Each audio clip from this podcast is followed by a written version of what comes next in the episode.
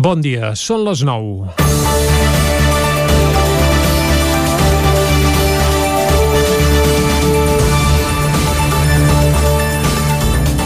Partir de finals d'estiu deixarem de pagar peatge per circular per tota l'AP7, però sembla que això durarà poc. La setmana passada el govern espanyol ja va presentar un pla a Brussel·les on detallaven que, a canvi de rebre ajudes, pretenien generalitzar els peatges a totes les autovies i autopistes a partir de l'any 2024.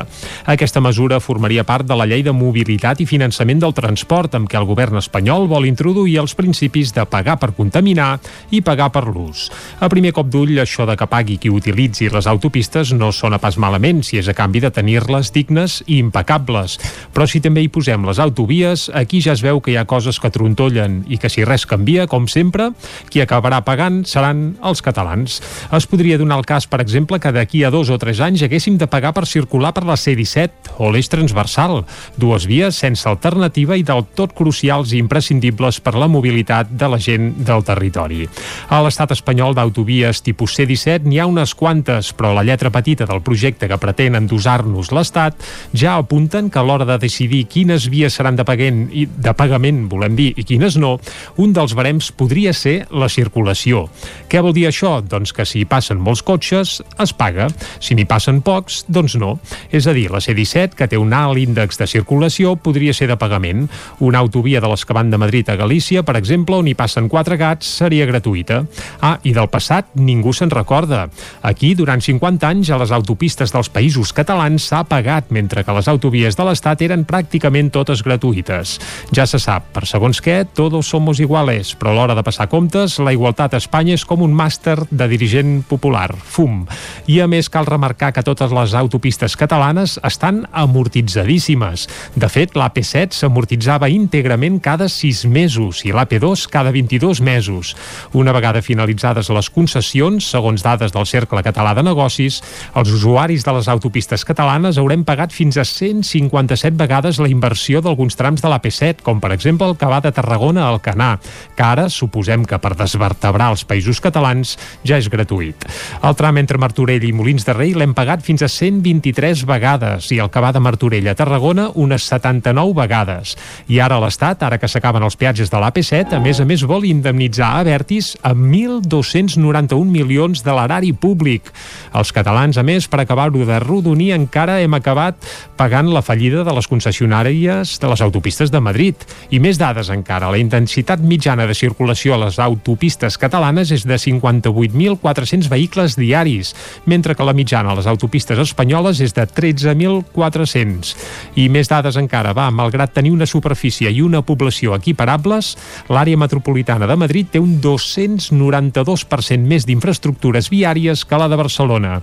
I aquí, mentre els anem pagant la festa, encara hi ha qui es baralla per fer un govern autonomista i pactar que a canvi d'un pseudo-indult paguem eternament per circular per la C-17 quin desgavell. Comença Territori 17, a la sintonia del 9 FM, la veu de Sant Joan, Ràdio Cardedeu, Ona Codinenca i el 9 TV. Territori 17, amb Vicenç Vigues i Jordi Sunyer.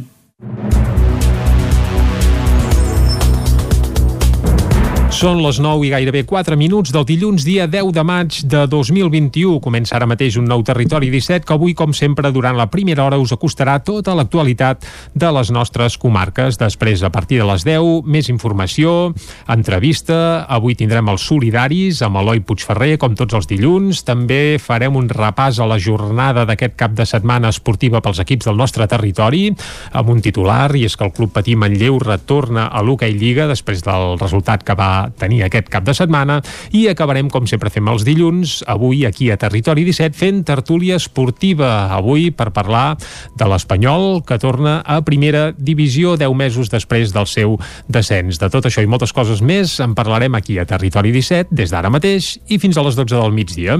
I com sempre el que toca ara és arrencar tot fent un repàs a l'actualitat de casa nostra, l'actualitat de les comarques del Ripollès, Osona, el Moianès i el Vallès Oriental. Ahir diumenge es va aixecar l'estat d'alarma i amb ell també es va posar fi al toc de queda. Des d'ahir, doncs, perden vigor algunes restriccions per evitar el contagi de la pandèmia. D'aquesta manera, l'horari comercial s'amplia fins a les 10 de la nit, tant pel petit comerç com pels centres comercials. La restauració podrà fer horari ininterromput de dos quarts de vuit del matí a les 11 de la nit, tant a l'interior com a l'exterior, i per tant, bars i restaurants poden tornar a oferir sopars. Hem recollit les reaccions d'alguns restauradors de Vic. Realment realment ens ha anat prou bé, els migdies eh, estem molt contents. I ara que podem començar a fer una mica de nits doncs també molt, molt contents. Eh, sobretot perquè aquest era un restaurant que havia viscut molt de les nits i la gent el recorda com a tal. Llavors nosaltres, la nostra intenció era potenciar molt la nit, com que no ens han deixat fer hem potenciat tot el que hem pogut els migdies els dissabtes al migdia i ara que se'ns obre la finestreta de les nits doncs farem els divendres i els dissabtes. I en aquest sentit supercontents. Estem contents dintre del que, del que podem estar estar contents. Hem estat molt de temps sense poder fer el que més ens agrada, que és cuinar i donar de, de menjar als nostres clients, però eh, no hem pogut. Ara, si ens deixen obrir i hem de tancar a les 11, és, un, és una bona cosa per nosaltres, doncs, bueno, molt millor això que, que no tenir tancat. La família Bermutet estem molt il·lusionats perquè retrobarem els nostres clients que ens venien el que és el torn de tarda i nit, que era sobretot quan funcionem. Uh, hem anat intentant tirant perquè el vaixell no s'enfonsés, però estic feliços, però portem una motxilla d'emprenyament de la mala praxis que ha hagut tot i l'aixecament d'algunes mesures, continua vigent la limitació de les reunions a sis persones i els aforaments del 50% en els actes religiosos i cerimònies civils. Des de la Generalitat, a més, es demana mantenir la prudència perquè la pandèmia encara no ha acabat i es recorda que reforçaran els controls, sobretot perquè les trobades socials no passin de sis persones i evitar festes il·legals o botellons al carrer. Un home mort mentre feia barranquisme a les Gorgues de Núria. Isaac Muntades, des de la veu de Sant Joan. Un home de 41 anys va morir aquest dissabte mentre feia barranquisme a les Gorgues de Núria, al terme municipal de Caralps. Els fets van succeir quan faltaven pocs minuts a dos quarts de dues de la tarda. Els bombers de la Generalitat van rebre l'alerta que hi havia dues persones en dificultats poca estona després d'haver començat a baixar d'un barranc, just a la zona que hi ha abans del salt del sastre. Es tractava de dos homes que feien el recorregut junts i un d'ells, per causes que encara s'estan investigant, havia patit un accident i estava parcialment submergit en una gorga amb molta aigua. Els efectius de la seu d'Olot del grup d'actuacions especials de muntanya dels bombers es va desplaçar de forma immediata amb helicòpter cap al lloc de l'accident, alhora que també ho feia una dotació terrestre. Quan passaven pocs minuts de les dues de la tarda, el company de la víctima era evacuat del lloc del sinistre fins al punt on estaven els efectius dels sistemes d'emergències mèdiques, que el van atendre per lesions lleus. La víctima, que era de la localitat maresmenca de Tallà, la van treure els GRAE de l'aigua, que van assegurar el cos i van activar la comitiva judicial. Els GRAE, que eren els encarregats d'efectuar el rescat del cos, es van posar a disposició dels efectius de la unitat d'intervenció intervenció de muntanya dels Mossos d'Esquadra. Després de fer els tràmits judicials necessaris, la policia catalana va autoritzar l'extracció de l'home accidentat. El cos es va remuntar mitjançant gruatge des de l'helicòpter i un cop a bord se'l va traslladar fins a Camprodon. En l'operatiu de rescat van treballar-hi a més de les dues dotacions dels bombers, cinc dotacions dels Mossos, de les quals n'hi havia dues de muntanya i dues de terrestres i un helicòpter medicalitzat del SEM. A banda del rescat amb una víctima mortal a Caralps, va haver-hi dos sinistres de menys gravetat a la muntanya durant aquest dissabte. A tres quarts una de la tarda, un excursionista va patir una lesió al genoll a Camprodon i va haver de ser evacuada pels GRAE en helicòpter i a les 3 de la tarda, aquest cop a Vallfogona de Ripollès, una altra dona es va fer mal al turmell i va haver de ser rescatada per una dotació terrestre. Els usuaris de Sant Antoni de Vilamajor i de Sant Pere de Vilamajor s'hauran de desplaçar a Llinars del Vallès per passar les consultes pediàtriques. David Auladell, de Ràdio Televisió Cardedeu. Així ho ha comunicat el Departament de Salut als alcaldes dels dos municipis, Raül Valentín i Pamela Issos, respectivament en el decurs d'una reunió celebrada el passat 5 de maig amb diferents responsables del departament. La reunió ha estat fruit d'una carta dirigida a la consellera Alba Vergés i Joan Parellada, director del sector sanitari Vallès Oriental. Els arguments que els han donat per prendre aquesta decisió són que agrupant els especialistes es pot oferir un servei de dilluns a divendres de 8 del matí a 8 del vespre. L'Ajuntament de Sant Antoni de Vilamajor ha més un comunicat lamentant la decisió perquè el departament no ha valorat l'exposició dels dos alcaldes del perjudici que provoca, sobretot els veïns més desfavorits haver-se de desplaçar a Llinars del Vallès, tenint en compte les deficiències en el transport públic dels seus respectius municipis. Canvien el servei de pediatria amb el qual comptaven per un servei d'infermeria pediàtrica en horari reduït i encara per definir. També es manifesta que aquest sembla ser el model que ara endavant pretén instaurar el departament arreu del territori i que la trobada va acabar sense arribar a cap acord, ja que la reunió es va produir quan la decisió del departament ja estava presa sense consultar l'opinió municipal. El balneari Broquetes de Caldes de Montbui tornarà a obrir les portes el 30 de maig, després de 14 mesos tancat. Caral Campàs, des d'Ona Codinenca. Bona notícia per l'economia local i més concretament pel sector de l'hostaleria i el turisme. El balneari Broquetes tornarà a obrir les portes el 30 de maig després de 14 mesos tancat. Així ho ha confirmat el director del grup Broquetes, Evasi Campos. L'establiment va tancar les portes el 17 de març de 2020 coincidint amb l'estat de l'esclat de la pandèmia i l'inici del confinament. Des del març de l'any passat i malgrat que l'activitat balneària i hostalera ha pogut anar-se revifant amb l'aixecament progressiu d'algunes restriccions, la direcció del Broquetes Bicicletes ha optat per no reobrir cap servei, a diferència del balneari Termes Victòria, que ha anat adaptant-se a la situació i obrint i tancant, l'estratègia del Broquetes ha sigut diferent. Consideraven que l'esforç d'obrir els era massa gran per haver de tornar a tancar poc després. En conseqüència, els treballadors de l'hotel balneari porten sense treballar i en situació d'ERTO prop de 14 mesos. És un dels casos d'ERTO més prellongats que s'ha donat a Caldes i els afectats han viscut durant més d'un any una situació força estranya, sense treballar, tot i que no estan acomiadats i fins ara sense saber quan tornarien a la feina i en quines condicions. Tot i que tornarà a reobrir al 100% el dia 30 d'aquest mes, el Broquetes ja ha reobert parcialment aquesta setmana per aprofitar una de les grans cites de la temporada pels hotels de la zona, el Gran Premi d'Espanya de Fórmula 1 que s'ha disputat aquest cap de setmana al circuit de Montmeló. Aquests pròxims dies també acollirà equips que participen al Campionat de Catalunya perdó, de motociclisme que es disputarà el 22 i 23 de maig. L'Ajuntament de Vic ha presentat el Pla Director d'Albert Urbà, un document que permet disposar d'una diagnosi detallada de l'estat de l'arbrat viari i dels espais verds que hi ha a la ciutat. Vic té més del doble d'espais verds dels que recomana l'Organització Mundial de la Salut. Concretament, a la capital usonenca hi ha un arbre per cada dos habitants quan la recomanació és d'un per cada tres. És una dada extreta del Pla Director d'Albert Urbà que l'Ajuntament de Vic va presentar aquest dijous. A banda de prendre el pols de l'estat actual dels espais verds de la ciutat, ciutat, aquest document permet fixar un full de ruta per caminar cap a un model de ciutat sostenible. Albert Castells és el regidor de Medi Ambient de l'Ajuntament de Vic. Aquest document pretén, doncs, ens ensenya què tenim, què tenim de verd urbà, com ho tenim també, en quin estat es troba i sobretot també doncs, prescriu doncs, eh, noves eh, tècniques o recomanacions que hem d'anar implantant a la ciutat per gestionar aquesta infraestructura verda tan important doncs, per, la, per la salut de, de, i el benestar de la ciutadania. En l'apartat de punts a millorar, el pla director assenyala que el 70% de l'arbrat de Vic és petit. Segons el document, la majoria d'arbres no superen els 6 metres d'alçada. Jordi Poades és tècnic de Medi Ambient de l'Ajuntament de Vic. Eh, malgrat, eh, contràriament, algú pugui pensar doncs, que els arbres són molt grans, eh, hem de pensar que l'arbrat viari, sobretot en carrers, el que interessa és que tingui un bon desenvolupament per aportar-nos a gran quantitat de beneficis. Beneficis ambientals, de reducció de contaminació, de reducció de soroll, eh, de millora de la biodiversitat, de reducció de temperatura, sobretot com ve l'estiu, i això ens ho donen els arbres grans. Encara en l'apartat de disfuncions, el document alerta que un 13% de l'arbrat de Vic no està en un espai adequat, fet que pot provocar l'aixecament de voreres. El pla director també recomana potenciar les plantes arbustives, una herba que en les properes setmanes guanyarà presència en diferents rotondes de Vic. El futur dels museus, recuperar i tornar a imaginar. Aquest és el lema que marcarà el Dia Internacional dels Museus, que se celebrarà el proper dia 18 de maig. Representants de tots els museus d'Osona reunien divendres a la sala d'actes del Museu Arqueològic de l'Esquerda amb la complicitat d'Osona Turisme i el Consell Comarcal van presentar el programa d'actes del Dia Internacional del Museu que arrencarà el 15 de maig i s'allargarà fins al 23. Una proposta que després d'un any d'aturada els museus de la comarca entomen amb tres objectius objectius. Núria Arau és la consellera delegada de Cultura del Consell Comarcal d'Osona. Apropar un altre cop els museus a la població.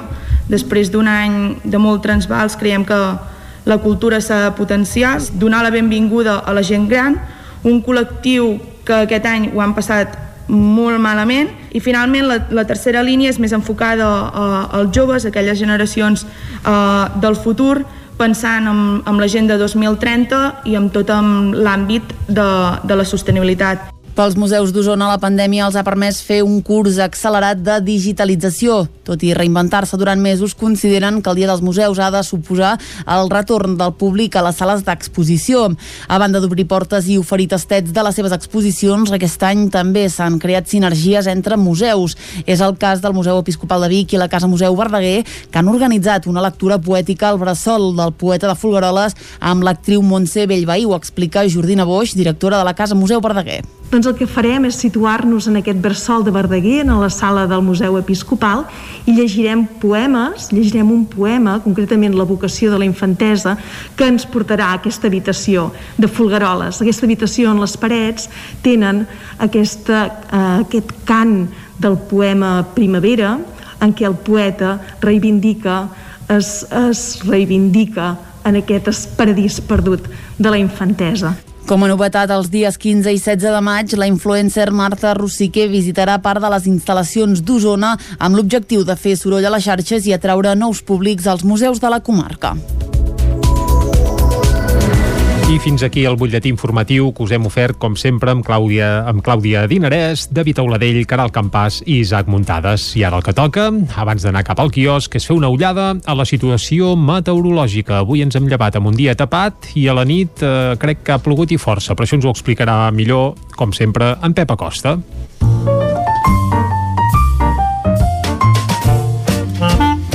Casa Terradellos us ofereix el temps. Un Pep Acosta, qui ja saludem ara mateix. Bon dia, Pep.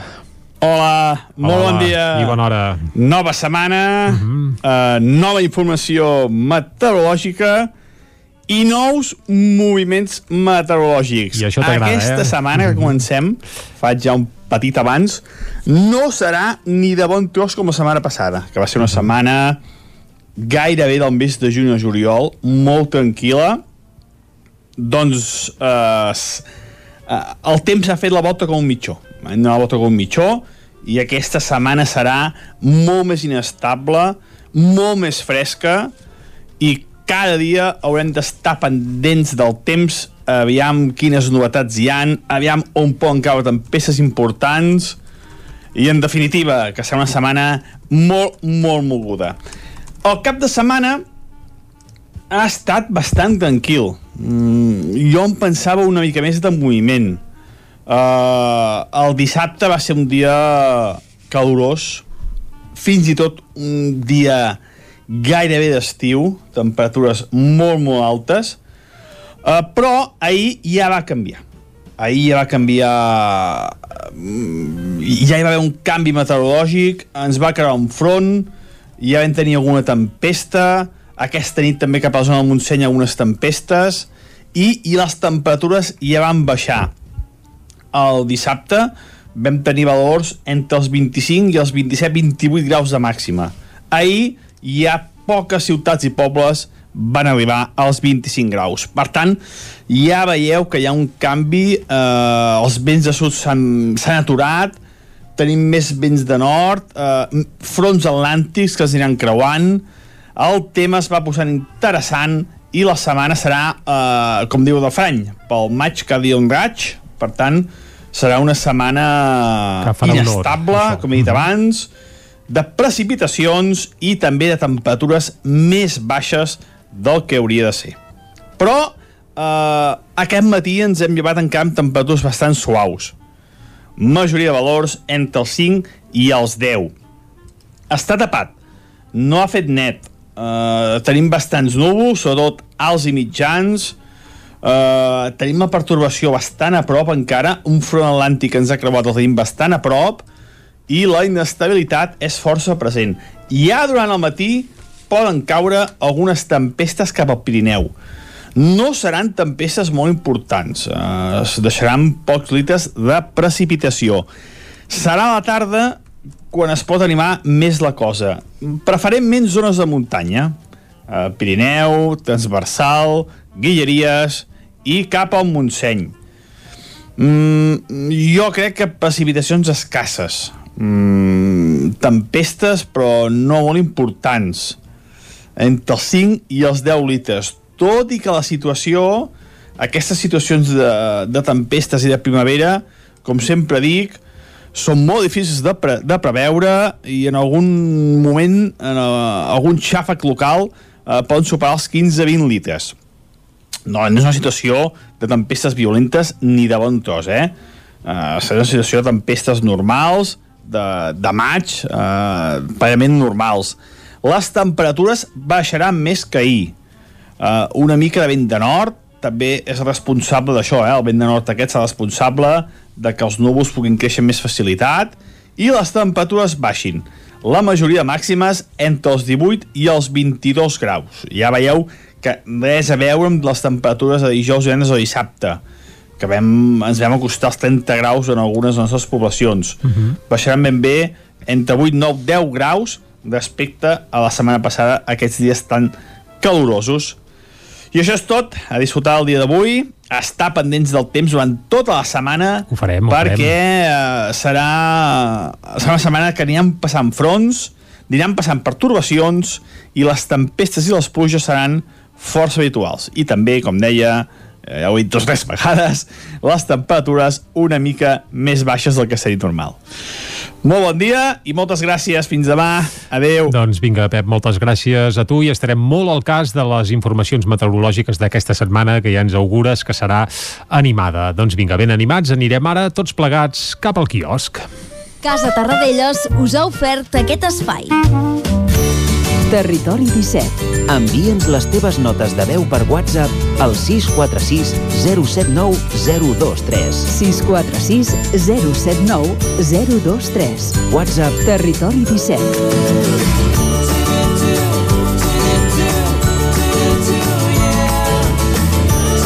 Territori 17. Som a Facebook, Twitter i Instagram amb l'usuari Territori 17.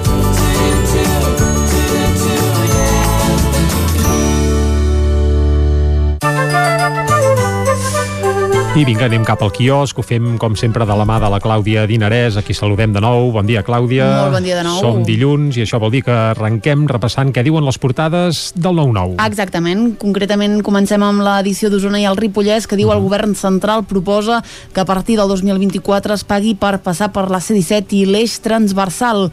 Cobrar peatges per l'ús d'autovies és una proposta del pla enviat per l'executiu a Brussel·les a canvi de rebre ajudes europees. A la imatge el Club Patí Manlleu retorna a l'Hockey Lliga, és una de les notícies d'aquesta setmana, més titulars, preocupació dels comerciants de Vic per l'augment de robatoris i amb la desaparició del toc de queda torna la vida als vespres. Anem a l'edició del Vallès Oriental que diu el centre comercial Granollerí es reconstitueix amb 20 botigues noves en 9 mesos. Obren més negocis que no pas els que han tancat i hi ha 6 obertures més pendents. A la imatge, falera per sopar fora de casa. Bars i restaurants recuperen força públic amb el final de l'estat d'alarma. Un titular més i anem a Barcelona. Més de 200 ciclistes fan una pedalada a Cardedeu per reivindicar l'ús segur de la bici al municipi. Molt bé, seguim, anem a la premsa d'àmbit nacional. Anem al punt avui que diu retrets mutus. Esquerra i Junts per Catalunya s'acusen pel trencament de les negociacions per formar govern. Junts per Catalunya avisa que cedir quatre vots perquè Aragonès sigui investit no és de franga. La imatge multituds en la fi de l'estat d'alarma, la normalització de la mobilitat nocturna fa que milers de persones surtin als espais públics de nit. Londres no veu validat el nou referèndum escocès i en esports el Barça femení campió. Les Blaugrana aconsegueixen la seva segona Lliga Iberdrola consecutiva. Anem al diari ara que diu l'eufòria per la fi del toc de queda genera preocupació. Barcelona concentra les grans aglomeracions amb unes 6.500 persones desallotjades a la imatge sense mascareta i sense distància en política. Junts encarrega a Jordi Sánchez reconduir les negociacions. El Sartadi adverteix a Esquerra que els vots necessaris per la investidura no seran gratis. Anem al periòdico que diu l'oci nocturn demana obrir arran de la rebella del 9M. A la imatge els primers sopars, la restauració catalana posa fi a 139 dies de tancament nocturn en una vetllada marcada per la ressaca de la gresca descontrolada de la vigília en política Junts per Catalunya posa preu al seu suport extern a la investidura d'Aragonès i la factura de la llum penalitzarà alerta al consum en hores punta. Acabem les portades catalanes catalanes amb l'avantguàrdia que diu la ruptura entre Esquerra i Junts abona la possibilitat de tornar a eleccions. Els dos partits intercanvien més retrets, endureixen condicions i ja no descarten la repetició després de dos mesos de diàleg estèril. A la imatge sisè campionat de Lliga pel Barça veiem les noies del Barça i Brussel·les no ha renovat el contracte amb la farmacèutica AstraZeneca. Uh, un altre titular, botellots, per celebrar al final del toc de queda. I anem ara cap a les portades d'àmbit estatal que s'editen a Madrid. Què hi trobem? Anem al país que diu el govern sobre canviar la llei per suplir l'estat d'alarma. La imatge, les festes sense control aviven la por i uh, més contagis. Els experts avisen del risc uh, de que la fi del confinament nocturn porti a relaxar les precaucions a bars i a reunions. En política catalana, Junts endureix les condicions per investir a Pere Aragonès. Anem al Mundo que diu Ayuso desferma un gir electoral a Espanya que enfonsa a Pedro Sánchez. El 4M diu catapulta Casado i el posa per davant per primera vegada en 3 anys. A la imatge, la fi de l'estat d'alarma desferma l'eufòria i el temor. Milers de persones ho celebren amb festes al carrer entre crítiques i crides a la prudència. Uh, un altre titular, la victòria separatista dispara, diu, la tensió entre Escòcia i Westminster. Anem acabant, anem a la raó que diu Casado fa el sorpasso a Sánchez i podria governar. Uh, les dues imatges principals de la raó diu la llei del carrer, uh, són imatges de la celebració de la fi de l'estat d'alarma i pel que fa a Catalunya el veto d'Esquerra, els de Puigdemont, dona ales a una repetició electoral. Acabem com sempre amb l'ABC que obre doncs, amb una imatge dels carrers de Barcelona la nit de dissabte a diumenge, diu al fi de l'estat d'alarma treu una multitud als carrers. La falta d'armes legals deixa les autonomies lligades de mà eh, per frenar el descontrol a la pandèmia. La portada de l'ABC d'avui també es fa ressò de la mort de Caballero Bonalt. Orfebre diu de la paraula.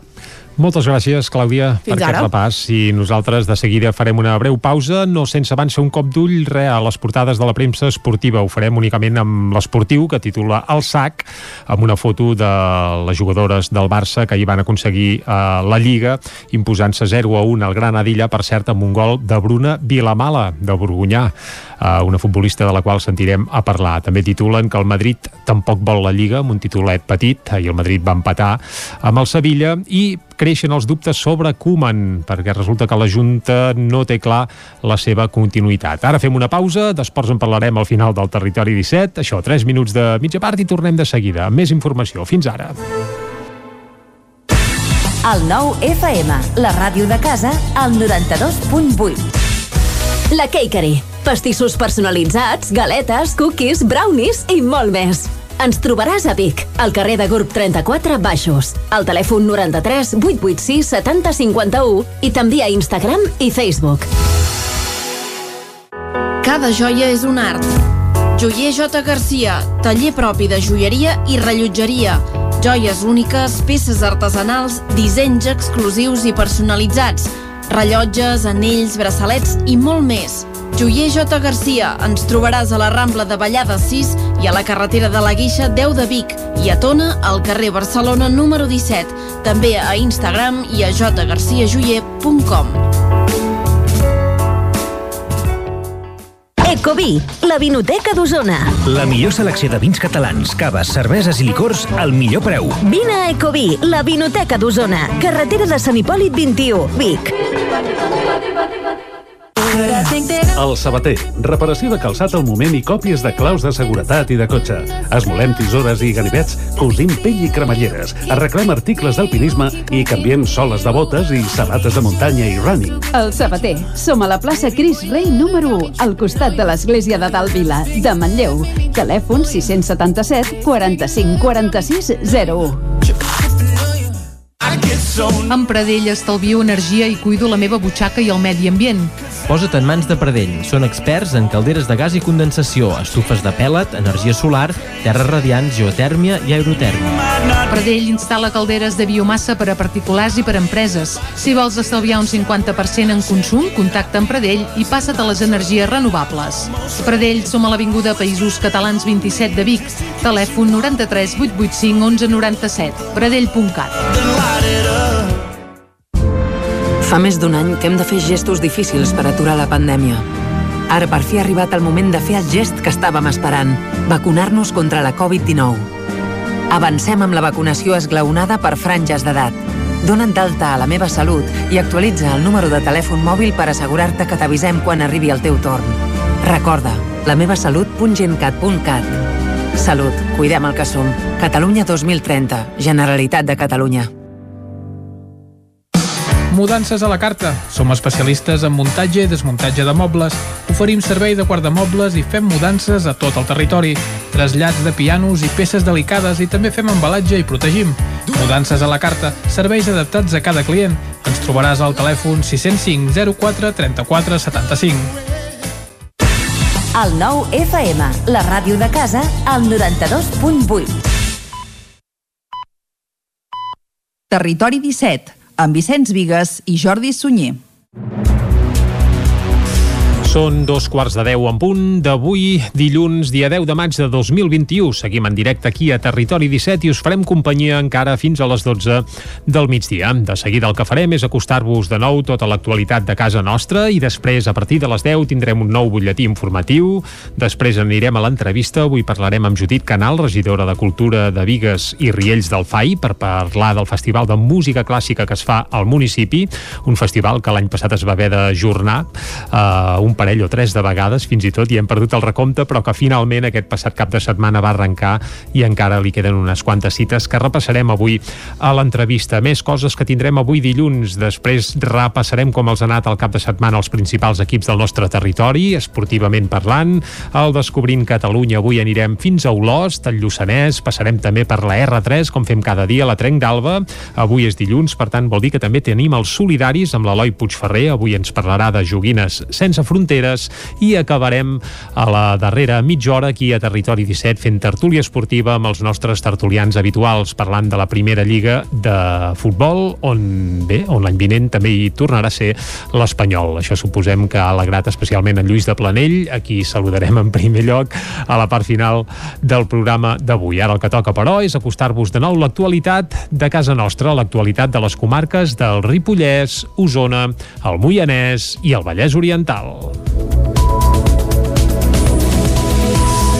Ahir diumenge es va aixecar l'estat d'alarma i amb ell també es va posar fi al toc de queda. Des d'ahir, doncs, perden vigor algunes restriccions per evitar el contagi de la pandèmia. D'aquesta manera, l'horari comercial s'amplia fins a les 10 de la nit, tant pel petit comerç com pels centres comercials. La restauració podrà fer horari ininterromput de dos quarts de vuit del matí a les 11 de la nit, tant a l'interior com a l'exterior, i per tant, bars i restaurants poden tornar a oferir sopars. Hem recollit les reaccions d'alguns restauradors de Vic. Realment ens ha anat prou bé, els migdies eh, estem molt contents i ara que podem començar a fer una mica de nits doncs també molt, molt contents eh, sobretot perquè aquest era un restaurant que havia viscut molt de les nits i la gent el recorda com a tal. Llavors nosaltres, la nostra intenció era potenciar molt la nit, com que no ens han deixat fer hem potenciat tot el que hem pogut els migdies els dissabtes al migdia i ara que se'ns obre la finestreta de les nits doncs farem els divendres i els dissabtes i en aquest sentit supercontents. Estem contents dintre del que, del que podem estar contents. Hem estat molt de temps sense poder fer el que més ens agrada, que és cuinar i donar de, de menjar als nostres clients, però eh, no hem pogut. Ara si ens deixen obrir i hem de tancar a les 11 és, un, és una bona cosa per nosaltres, doncs bueno, molt millor això que, que no tenir tancat. La família Bermutet estem molt il·lusionats perquè retrobarem els nostres clients que ens venien el que és el torn de tarda i nit, que era sobretot quan funcionem. Uh, hem anat intentant tirant perquè el vaixell no s'enfonsés, però estic feliços, però portem una motxilla d'emprenyament de la mala praxis que ha hagut. Tot i l'aixecament d'algunes mesures, continua vigent la limitació de les reunions a sis persones i els aforaments del 50% en els actes religiosos i cerimònies civils. Des de la Generalitat, a més, es demana mantenir la prudència perquè la pandèmia encara no ha acabat i es recorda que reforçaran els controls, sobretot perquè les trobades socials no passin de sis persones i evitar festes il·legals o botellons al carrer. Un home mort mentre feia barranquisme a les Gorgues de Núria. Isaac Muntades, des de la veu de Sant Joan. Un home de de 41 anys, va morir aquest dissabte mentre feia barranquisme a les Gorgues de Núria, al terme municipal de Caralps. Els fets van succeir quan faltaven pocs minuts a dos quarts de dues de la tarda. Els bombers de la Generalitat van rebre l'alerta que hi havia dues persones en dificultats poca estona després d'haver començat a baixar d'un barranc, just a la zona que hi ha abans del salt del sastre. Es tractava de dos homes que feien el recorregut junts i un d'ells, per causes que encara s'estan investigant, havia patit un accident i estava parcialment submergit en una gorga amb molta aigua. Els efectius de la seu d'Olot del grup d'actuacions especials de muntanya dels bombers es va desplaçar de forma immediata amb helicòpter cap al lloc de l'accident, alhora que també ho feia una dotació terrestre. Quan passaven pocs minuts de les dues de la tarda, el company de la víctima era evacuat del lloc del sinistre fins al punt on estaven els efectius dels sistemes d'emergències mèdiques que el van atendre per lesions lleus. La víctima, que era de la localitat maresmenca de Teià, la van treure els GRAE de l'aigua, que van assegurar el cos i van activar la comitiva judicial. Els GRAE, que eren els encarregats d'efectuar el rescat del cos, es van posar a disposició dels efectius de la unitat d'intervenció de muntanya dels Mossos d'Esquadra. Després de fer els tràmits judicials necessaris, la policia catalana va autoritzar l'extracció de l'home accidentat. El cos es va remuntar mitjançant gruatge des de l'helicòpter i un cop a bord se'l va traslladar fins a Camprodon. En l'operatiu de rescat van treballar-hi, a més de les dues dotacions dels bombers, cinc dotacions dels Mossos, de les quals n'hi havia dues de muntanya i dues de terrestres i un helicòpter medicalitzat del SEM. A banda del rescat amb una víctima mortal a Caralps, va haver-hi dos sinistres de menys gravetat a la muntanya durant aquest dissabte. A tres quarts una de la tarda, un excursionista va patir una lesió al genoll a Camprodon i va haver de ser evacuada pels GRAE en helicòpter. I a les 3 de la tarda, aquest cop a Vallfogona de Ripollès, una altra dona es va fer mal al turmell i va haver de ser rescatada per una dotació terrestre. Els usuaris de Sant Antoni de Vilamajor i de Sant Pere de Vilamajor s'hauran de desplaçar a Llinars del Vallès per passar les consultes pediàtriques. David Auladell, de Ràdio Televisió Cardedeu. Així ho ha comunicat el Departament de Salut als alcaldes dels dos municipis, Raül Valentín i Pamela Issos, respectivament en el decurs d'una reunió celebrada el passat 5 de maig amb diferents responsables del departament. La reunió ha estat fruit d'una carta dirigida a la consellera Alba Vergés i Joan Parellada, director del sector sanitari Vallès Oriental. Els arguments que els han donat per prendre aquesta decisió són que agrupant els especialistes es pot oferir un servei de dilluns a divendres de 8 del matí a 8 del vespre. L'Ajuntament de Sant Antoni de Vilamajor ha més un comunicat lamentant la decisió perquè el departament no ha valorat l'exposició dels dos alcaldes del perjudici que provoca, sobretot els veïns més desfavorits haver-se de desplaçar a Llinars del Vallès, tenint en compte les deficiències en el transport públic dels seus respectius municipis. Canvien el servei de pediatria amb el qual comptaven per un servei d'infermeria pediàtrica en horari reduït i encara per definir. També es manifesta que aquest sembla ser el model que ara endavant pretén instaurar el departament arreu del territori i que la trobada va acabar sense arribar a cap acord, ja que la reunió es va produir quan la decisió del departament ja estava presa sense consultar l'opinió municipal. El balneari Broquetes de Caldes de Montbui tornarà a obrir les portes el 30 de maig, després de 14 mesos tancat. Caral Campàs, des d'Ona Codinenca. Bona notícia per l'economia local i més concretament pel sector de l'hostaleria i el turisme. El balneari Broquetes tornarà a obrir les portes el 30 de maig després de 14 mesos tancat. Així ha confirmat el director del grup Broquetes, Evasi Campos. L'establiment va tancar les portes el 17 de març de 2020 coincidint amb l'estat de l'esclat de la pandèmia i l'inici del confinament. Des del març de l'any passat i malgrat que l'activitat balneària i hostalera ha pogut anar-se revifant amb l'aixecament progressiu d'algunes restriccions, la direcció del Broquetes ha optat per no reobrir cap servei. A diferència del balneari Termes Victòria, que ha anat adaptant-se a la situació i obrint i tancant, l'estratègia del Broquetes ha sigut diferent. Consideraven que l'esforç d'obrir els era massa gran per haver de tornar a tancar poc després. En conseqüència, els treballadors de l'hotel balneari porten sense treballar i en situació d'ERTO prop de 14 mesos. És un dels casos d'ERTO més prellongats que s'ha donat a Caldes i els afectats han viscut durant més d'un any una situació força estranya, sense treballar, tot i que no estan acomiadats i fins ara sense saber quan tornarien a la feina i en quines condicions. Tot i que tornarà a reobrir al 100% el dia 30 d'aquest mes, el Broquetes ja ha reobert parcialment aquesta setmana per aprofitar una de les grans cites de la temporada pels hotels de la zona, el Gran Premi d'Espanya de Fórmula 1 que s'ha disputat aquest cap de setmana al circuit de Montmeló. Aquests pròxims dies també acollirà equips que participen al Campionat de Catalunya perdó, de motociclisme que es disputarà el 22 i 23 de maig. L'Ajuntament de Vic ha presentat el Pla Director d'Albert Urbà, un document que permet disposar d'una diagnosi detallada de l'estat de l'arbrat viari i dels espais verds que hi ha a la ciutat. Vic té més del doble d'espais verds dels que recomana l'Organització Mundial de la Salut. Concretament, a la capital usonenca hi ha un arbre per cada dos habitants quan la recomanació és d'un per cada tres.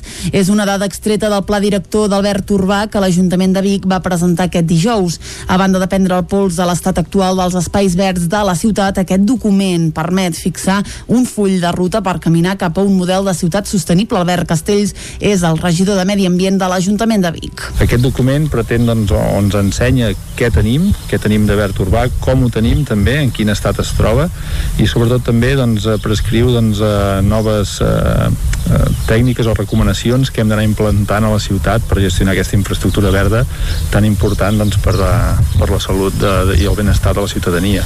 En l'apartat de punts a millorar, el pla director assenyala que el 70% de l'arbrat de Vic és petit. Segons el document, la majoria d'arbres no superen els 6 metres d'alçada. Jordi Boades és tècnic de Medi Ambient de l'Ajuntament de Vic. Eh, malgrat, eh, contràriament, algú pugui pensar doncs, que els arbres són molt grans, eh, hem de pensar que l'arbrat viari, sobretot en carrers, el que interessa és que tingui un bon desenvolupament per aportar-nos gran quantitat de beneficis. Beneficis ambientals, de reducció de contaminació, de reducció de soroll, eh, de millora de la biodiversitat, de reducció de temperatura, sobretot com ve l'estiu, i això ens ho donen els arbres grans. Encara en l'apartat de disfuncions, el document alerta que un 13% de l'arbrat de Vic no està en un espai adequat, fet que pot provocar l'aixecament de voreres. El pla director també recomana potenciar les plantes arbustives, un herba que en les properes setmanes guanyarà presència en diferents rotondes de Vic.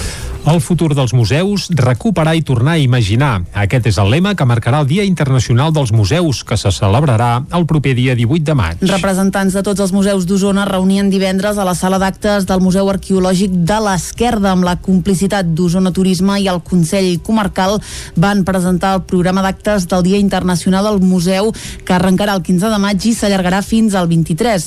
Una proposta que després d'un any d'aturada els museus de la comarca entomen amb tres objectius. Núria Arau és la consellera delegada de Cultura del Consell Comarcal d'Osona. apropar un altre cop els museus a la població.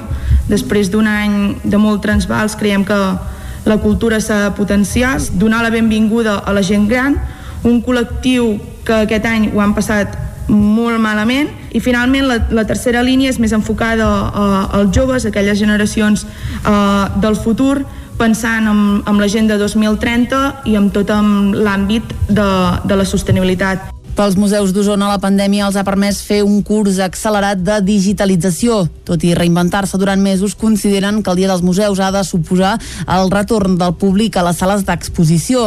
A banda d'obrir portes i oferir tastets de les seves exposicions, aquest any també s'han creat sinergies entre museus. És el cas del Museu Episcopal de Vic i la Casa Museu Verdaguer, que han organitzat una lectura poètica al bressol del poeta de Folgueroles amb l'actriu Montse Bellveí. Ho explica Jordina Boix, directora de la Casa Museu Verdaguer.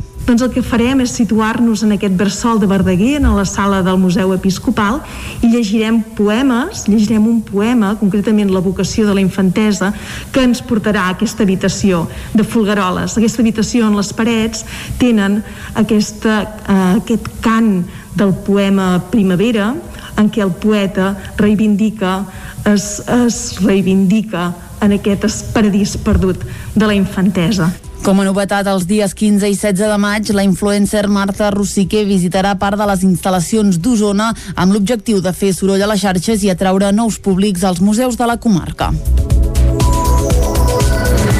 I fins aquí el butlletí informatiu que us hem ofert, com sempre, amb Clàudia, amb Clàudia Dinarès, David Auladell, Caral Campàs i Isaac Muntades. I ara el que toca, abans d'anar cap al quiosc, és fer una ullada a la situació meteorològica. Avui ens hem llevat amb un dia tapat i a la nit eh, crec que ha plogut i força, però això ens ho explicarà millor, com sempre, en Pep Acosta.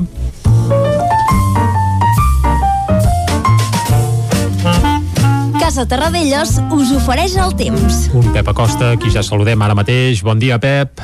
Hola, molt Hola, bon dia. i bona hora.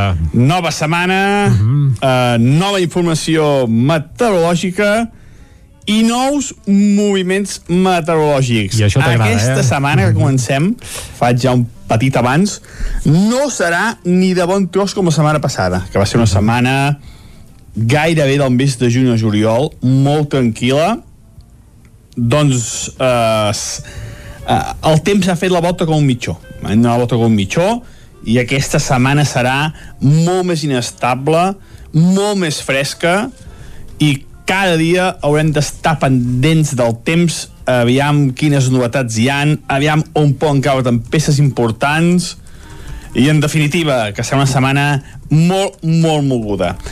El cap de setmana ha estat bastant tranquil Mm, jo em pensava una mica més de moviment. Uh, el dissabte va ser un dia calorós, fins i tot un dia gairebé d'estiu, temperatures molt, molt altes, uh, però ahir ja va canviar. Ahir ja va canviar... Uh, ja hi va haver un canvi meteorològic, ens va quedar un front, ja vam tenir alguna tempesta, aquesta nit també cap a la zona del Montseny algunes tempestes, i, i les temperatures ja van baixar.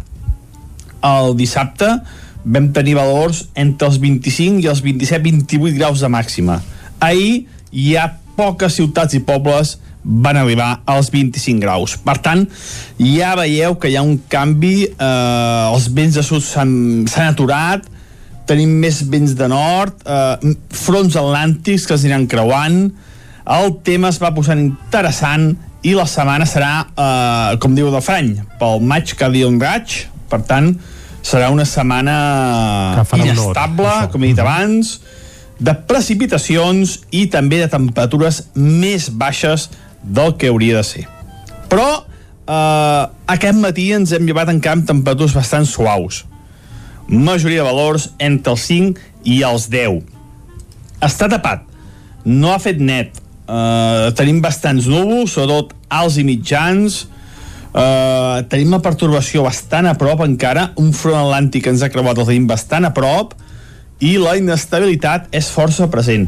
Ja durant el matí poden caure algunes tempestes cap al Pirineu. No seran tempestes molt importants, uh, es deixaran pocs litres de precipitació. Serà la tarda quan es pot animar més la cosa. Preferentment zones de muntanya, uh, Pirineu, transversal, Guilleries, i cap al Montseny. Mm, jo crec que precipitacions escasses. Mm, tempestes, però no molt importants. Entre els 5 i els 10 litres. Tot i que la situació, aquestes situacions de, de tempestes i de primavera, com sempre dic, són molt difícils de, pre, de preveure i en algun moment, en uh, algun xàfec local, uh, poden superar els 15-20 litres no, no és una situació de tempestes violentes ni de bon tros, eh? Uh, serà una situació de tempestes normals, de, de maig, uh, pagament normals. Les temperatures baixaran més que ahir. Uh, una mica de vent de nord també és responsable d'això, eh? el vent de nord aquest és responsable de que els núvols puguin créixer amb més facilitat i les temperatures baixin. La majoria màximes entre els 18 i els 22 graus. Ja veieu que res a veure amb les temperatures de dijous, divendres o dissabte que vam, ens vam acostar als 30 graus en algunes de les nostres poblacions uh -huh. baixaran ben bé entre 8, 9, 10 graus respecte a la setmana passada aquests dies tan calorosos i això és tot, a disfrutar el dia d'avui estar pendents del temps durant tota la setmana ho farem, ho perquè farem. Uh, serà, serà una setmana que aniran passant fronts aniran passant pertorbacions i les tempestes i les pluges seran força habituals. I també, com deia, eh, ja ho he dit dos tres vegades, les temperatures una mica més baixes del que s'ha dit normal. Molt bon dia i moltes gràcies. Fins demà. Adeu. Doncs vinga, Pep, moltes gràcies a tu i estarem molt al cas de les informacions meteorològiques d'aquesta setmana que ja ens augures que serà animada. Doncs vinga, ben animats, anirem ara tots plegats cap al quiosc. Casa Tarradellas us ha ofert aquest espai. Territori 17. Envia'ns les teves notes de veu per WhatsApp al 646 079 023. 646 079 023. WhatsApp Territori 17.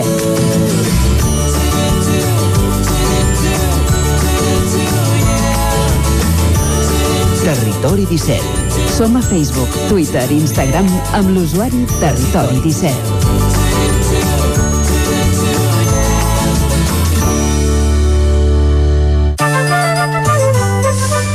I Vinga, anem cap al quiosc, ho fem com sempre de la mà de la Clàudia Dinarès, aquí saludem de nou. Bon dia, Clàudia. Molt bon dia de nou. Som dilluns i això vol dir que arrenquem repassant què diuen les portades del 9-9. Exactament, concretament comencem amb l'edició d'Osona i el Ripollès que diu el govern central proposa que a partir del 2024 es pagui per passar per la C-17 i l'eix transversal. Cobrar peatges per l'ús d'autovies és una proposta del pla enviat per l'executiu a Brussel·les a canvi de rebre ajudes europees. A la imatge, el Club Patí Manlleu retorna a l'Hockey Lliga, és una de les notícies d'aquesta setmana. Més titulars, preocupació dels comerciants de Vic per l'augment de robatoris i amb la desaparició del toc de queda torna la vida als vespres. Anem a l'edició del Vallès Oriental que diu el centre comercial Granollerí es reconstitueix amb 20 botigues noves en 9 mesos. Obren més negocis que no pas els que han tancat i hi ha sis obertures més pendents. A la imatge, falera per sopar fora de casa.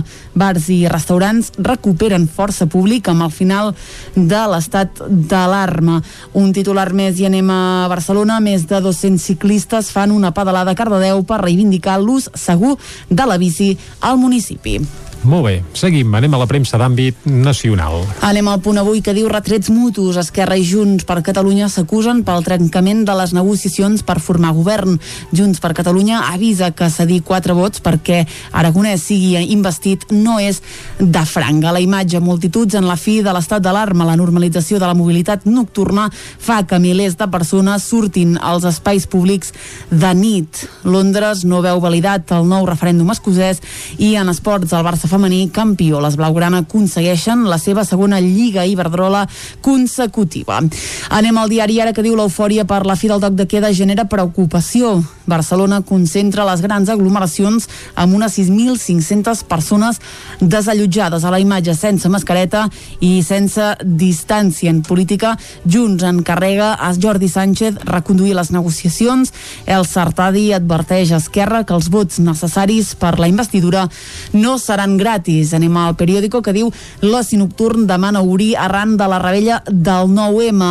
A la imatge els primers sopars, la restauració catalana posa fi a 139 dies de tancament nocturn en una vetllada marcada per la ressaca de la gresca descontrolada de la vigília en política Junts per Catalunya posa preu al seu suport extern a la investidura d'Aragonès i la factura de la llum penalitzarà alerta al consum en hores punta. Acabem les portades catalanes amb l'avantguàrdia que diu la ruptura entre Esquerra i Junts abona la possibilitat de tornar a eleccions. Els dos partits intercanvien més retrets, endureixen condicions i ja no descarten la repetició després de dos mesos de diàleg estèril. A la imatge sisè campionat de Lliga pel Barça veiem les noies del Barça i Brussel·les no ha renovat el contracte amb la farmacèutica AstraZeneca. Uh, un altre titular, botellots, per celebrar el final del toc de queda. I anem ara cap a les portades d'àmbit estatal que s'editen a Madrid. Què hi trobem? Anem al país que diu el govern sobre canviar la llei per suplir l'estat d'alarma. La imatge, les festes sense control aviven la por i uh, més contagis. Els experts avisen del risc uh, de que la fi del confinament nocturn porti a relaxar les precaucions a bars i a reunions. En política catalana, Junts endureix les condicions per investir a Pere Aragonès. Anem al Mundo que diu Ayuso desferma un gir electoral a Espanya que enfonsa a Pedro Sánchez. El 4M diu catapulta Casado i el posa per davant per primera vegada en 3 anys.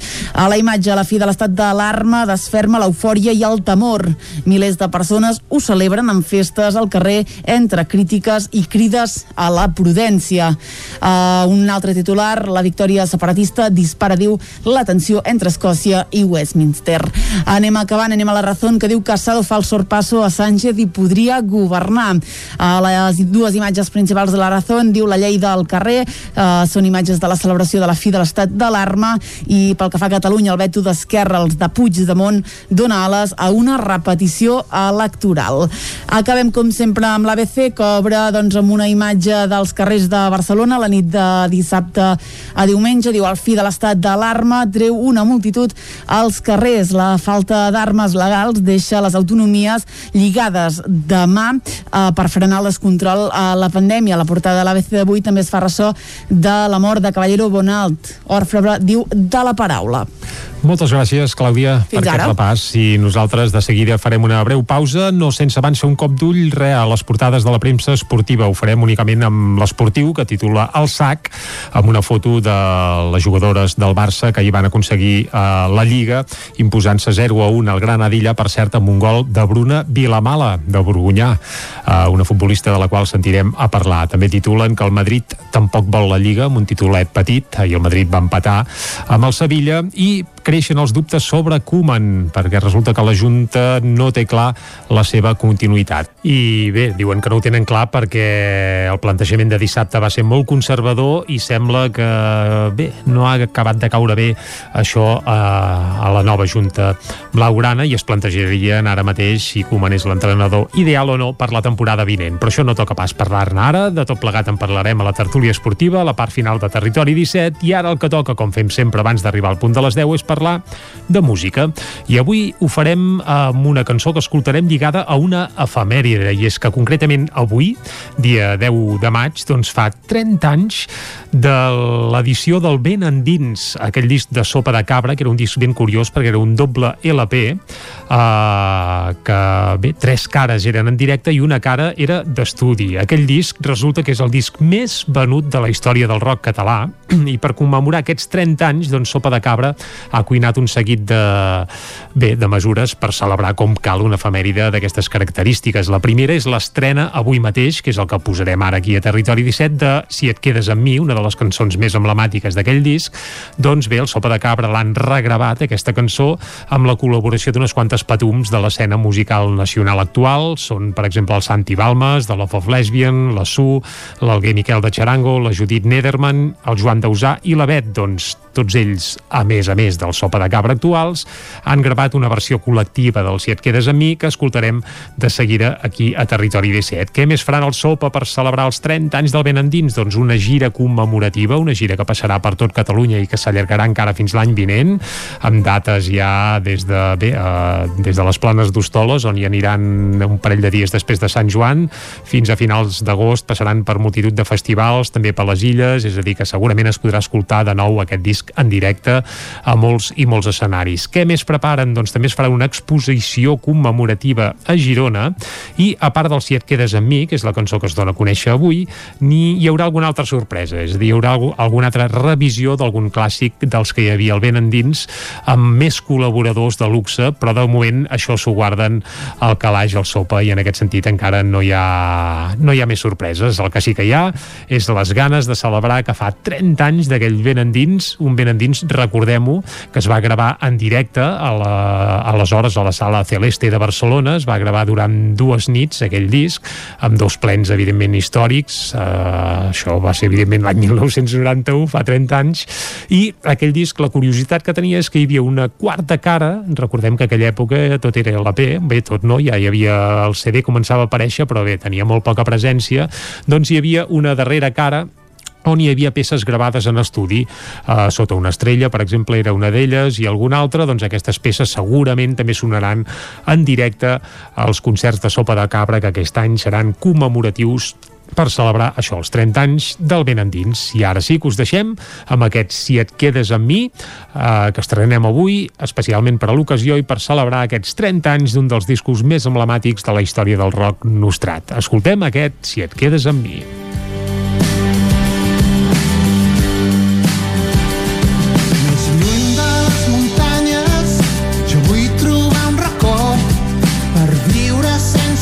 Sense pressa i ser l'ombra del teu cos si et quedes. Ah,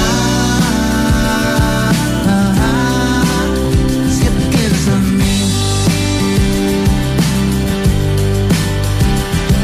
No et puc donar riquesa, no puc donar-t'ho tot. Puc ser el teu llarg viatge, puc ser la llum del sol si et quedes. Ah,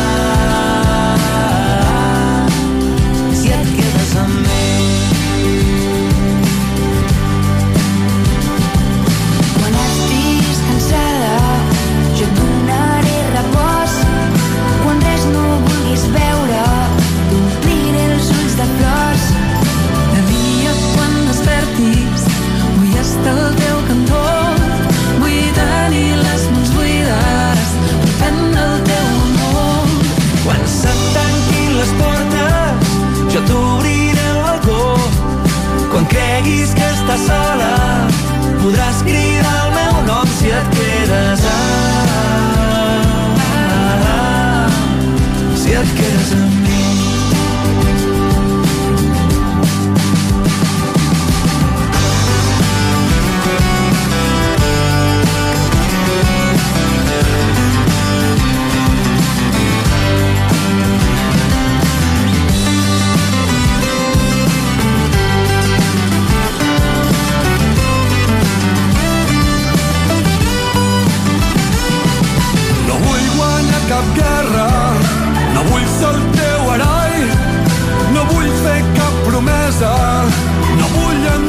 amor.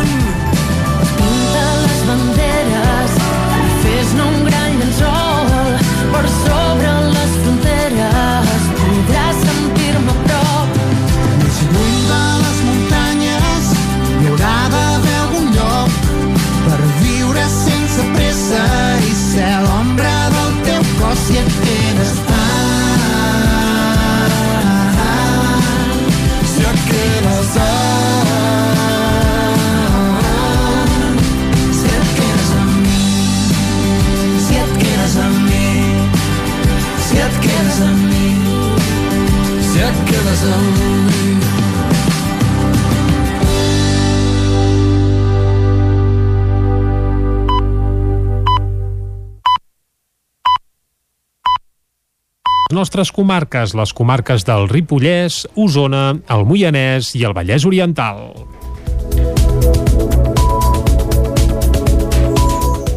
Fa quatre mesos que bars i restaurants han tingut la porta tancada als vespres per fer sopars a l'establiment. Des d'ahir diumenge, però, han pogut recuperar, entre cometes, la normalitat i obrir de forma continuada fins a les 11 de la nit. David Auladell, de Ràdio Televisió, Cardedeu. El Cafè de la plaça de Cardedeu, com molts altres bars i restaurants, s'han hagut de reinventar durant aquests mesos i començar a fer comandes a domicili, una mesura que fins ara no havien fet i que possiblement mantindran tot i poder tenir obert. Xavier Puig, del Cafè de la plaça. Nosaltres no havíem treballat mai el servei a domicili, ho hem, ho hem començat a fer i bueno, ha sigut un any molt dur. Seguirem treballant aquí a, al local, evidentment, i el servei a domicili el, el, el, el continuarem fent, perquè ja et dic, de moment Uh, és possible que hagin, canviat el, que hagin canviat els hàbits de la gent. Nosaltres hi ha molts dies que treballem més per endur que no passen aquí, amb, amb el local obert i ara ja es pot treballar fora. O sigui que a l'expectativa com funciona tot. L'hostaleria ha estat un dels sectors més afectats durant la pandèmia i ara, després d'un any, comencen a rebre alguna ajuda. Xavier Puig. Fins a última hora no, no hem tingut una mica d'ajudes. Que les administracions de, de l'Estat no hem rebut absolutament res.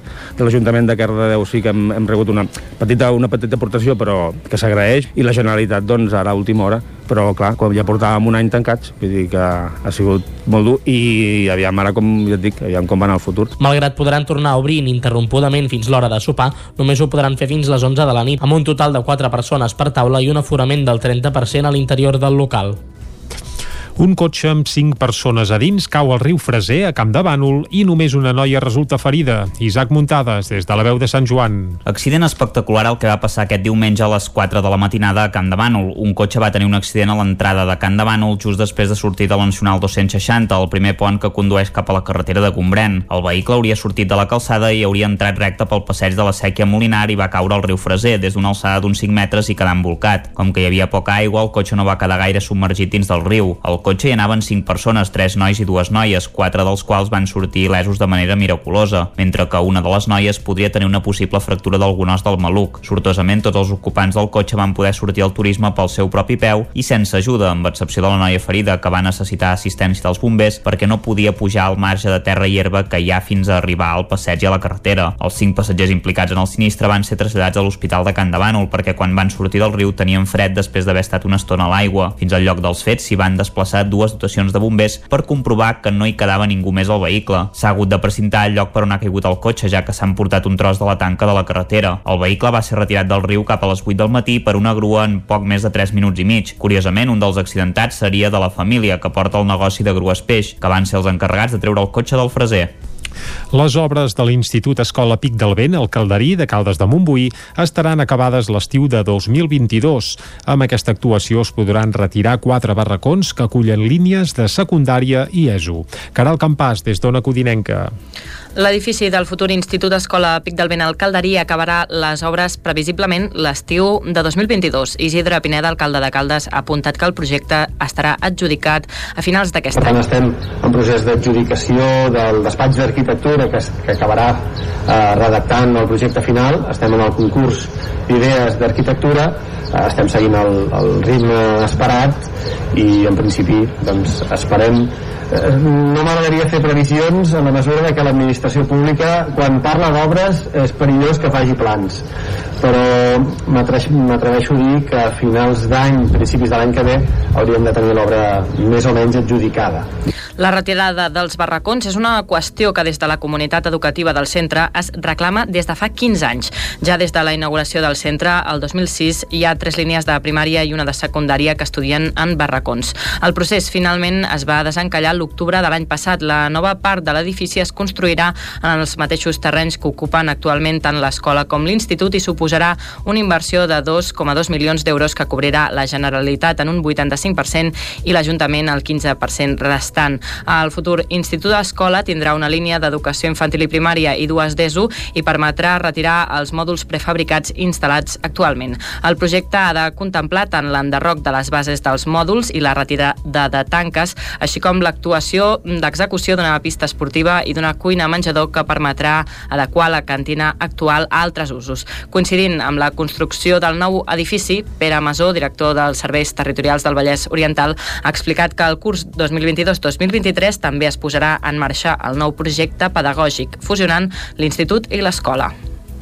El conreu de colza ha augmentat un 15% respecte a l'any passat a Catalunya i està previst que en els propers anys es multipliqui per dos. Durant els mesos d'abril i juny, la colza floreix i deixa Osona tenyida de groc. Això passa a la comarca des de fa prop de 6 anys. De fet, el cultiu ha crescut un 15% a Catalunya respecte a l'any passat. Fa 20 anys hi havia 500 hectàrees amb colza plantada i actualment n'hi ha 16.000. Tot plegat, amb previsions positives, el sector veu com aquest cultiu es duplicarà en els propers anys i celebra que sigui tan rendible des d'un punt de vista econòmic com agronòmic. Josep Maria Prat és el director comercial de la cooperativa Plana de Vic. Aquests últims anys ha, ha pujat diguem, la seva implantació a la plana sobretot um, per la demanda. I la demanda diguem, ve, ve condicionada diguem, per condicions de mercat. Que ha fet això? Que ha donat uns preus més elevats amb millor rendibilitat respecte al, al, diguem, al que serien altres, altres cultius. Per exemple el, el mateix blat i el mateix ordi i això ha, ha fet doncs, que fos molt més atractiu pel, pel propi agricultor no? La colza se sembra a mitjans de setembre i la collita es fa als vols de Sant Joan. Se'n fa oli i el tortó, del qual es fa pinso. A més, suporta molt bé la climatologia, ho explicava Marta Gascon, responsable de l'economat i grans cultius de la cooperativa Plana de Vic. Quan se sembra és al setembre, llavors, clar, et vindrà tot el pic de l'hivern, que les temperatures són bastant baixes, que de fet és un cultiu que ja li va bé aquest tipus de climatologia. I després, el, quan ve la floració, al ser tan esglaonada, si tens alguns pics de setmana que, ostres, hem baixat un altre cop a, a menys 1 o menys 2 o, o a 0 graus, sí que pot danyar alguna petita part la floració, però com que ve tan esglaonada, diguem que la pèrdua no és important. A més, ajuda a crear una bona estructura de sol perquè deixa la terra nodrida. La colza s'exporta al voltant del 95% del que es cultiva a Espanya. Una postal de groc pels amants de la fotografia que deixarà de ser-ho a finals de juny.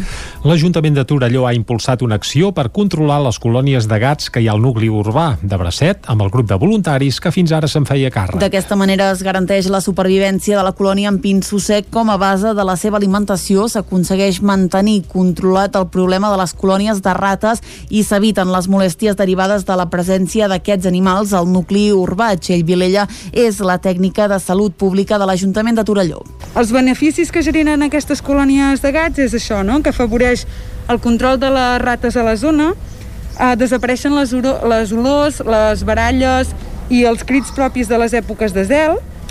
Al mateix temps també hi ha un millor control de la natalitat. Eh, D'aquesta manera, eh, aquests quatre contenidors seran refugis per gats i han estat, eh, han estat adaptats amb la brigada municipal. N'hi ha una, eh, bueno, més d'una pels gats i llavors n'hi ha una per les alimentadores. Estarà tancada amb un candau de tal manera que la gent no pugui accedir-hi accedir a dintre.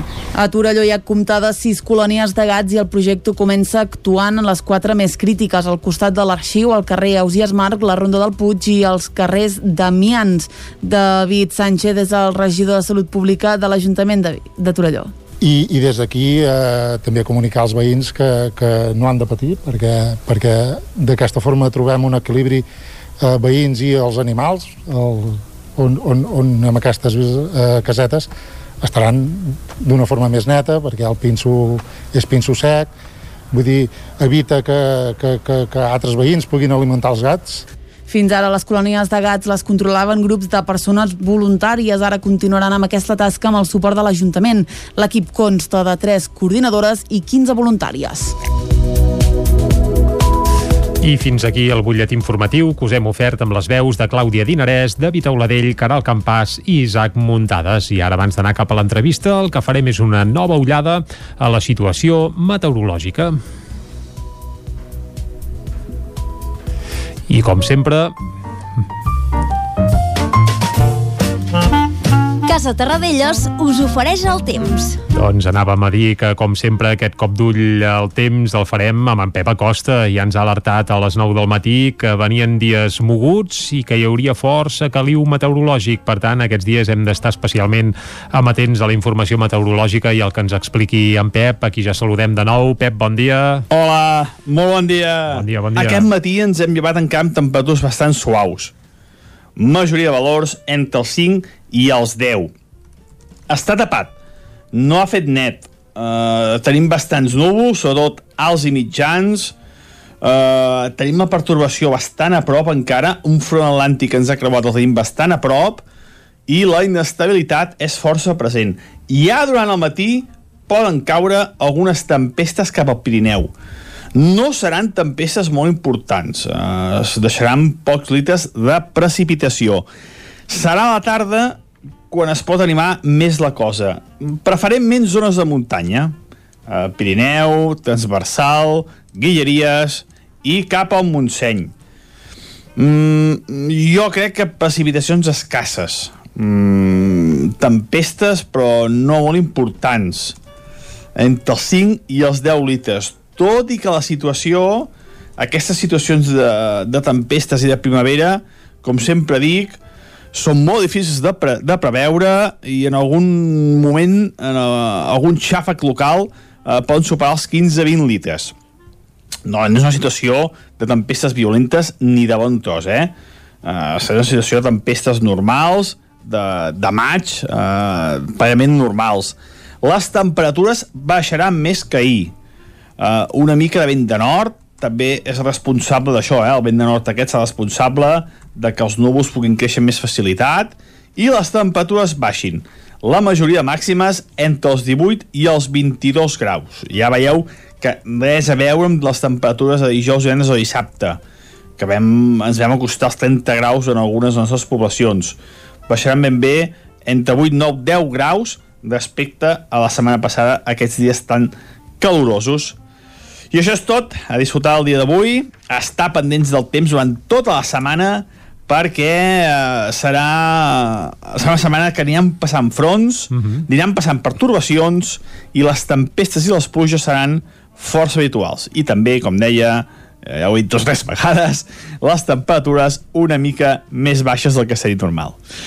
Molt bon dia i moltes gràcies. Fins demà. Vinga, Adéu. moltes gràcies a tu, Pep. Estarem al cas d'aquestes possibles pluges que ja ens alertes que aquesta tarda podrien bé, amenitzar tots els racons del territori 17 i, a més a més, tota la setmana amb els paraigües a punt i amb temperatures, a més a més, inferiors al que seria habitual per l'època. Per tant, sembla que anem una mica enrere, que en comptes d'acostar-nos cap a l'estiu ens acostem de nou cap a l'hivern. Però vaja, és el que té la primavera i pel maig ja ho diuen cada dia un raig. Va, fet aquest apunt meteorològic, fem ara una breu pausa de mig minutet i de seguida anem cap a l'entrevista. Avui per parlar del Festival de Música Clàssica de Vigues i Riells del Fai. De seguida ens hi capbussem. Fins ara.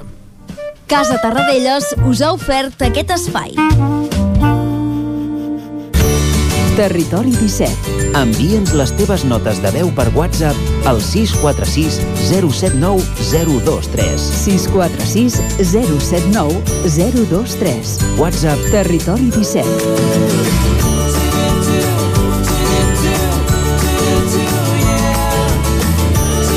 Territori 17.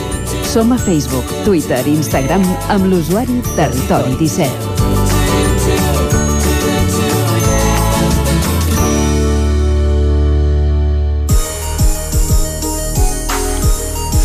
Un minut i mig per un quart d'onze del matí. Seguim en directe aquí a Territori 17.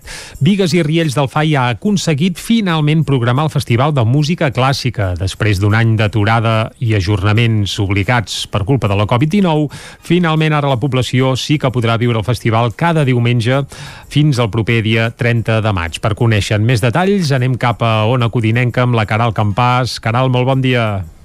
Molt bon dia, Jordi. Doncs, doncs sí, per conèixer tots els detalls d'aquesta programació volem parlar i tenim al telèfon a Judit Canal, regidora de Cultura a l'Ajuntament de Vigues. Bon dia, Judit. Bon dia.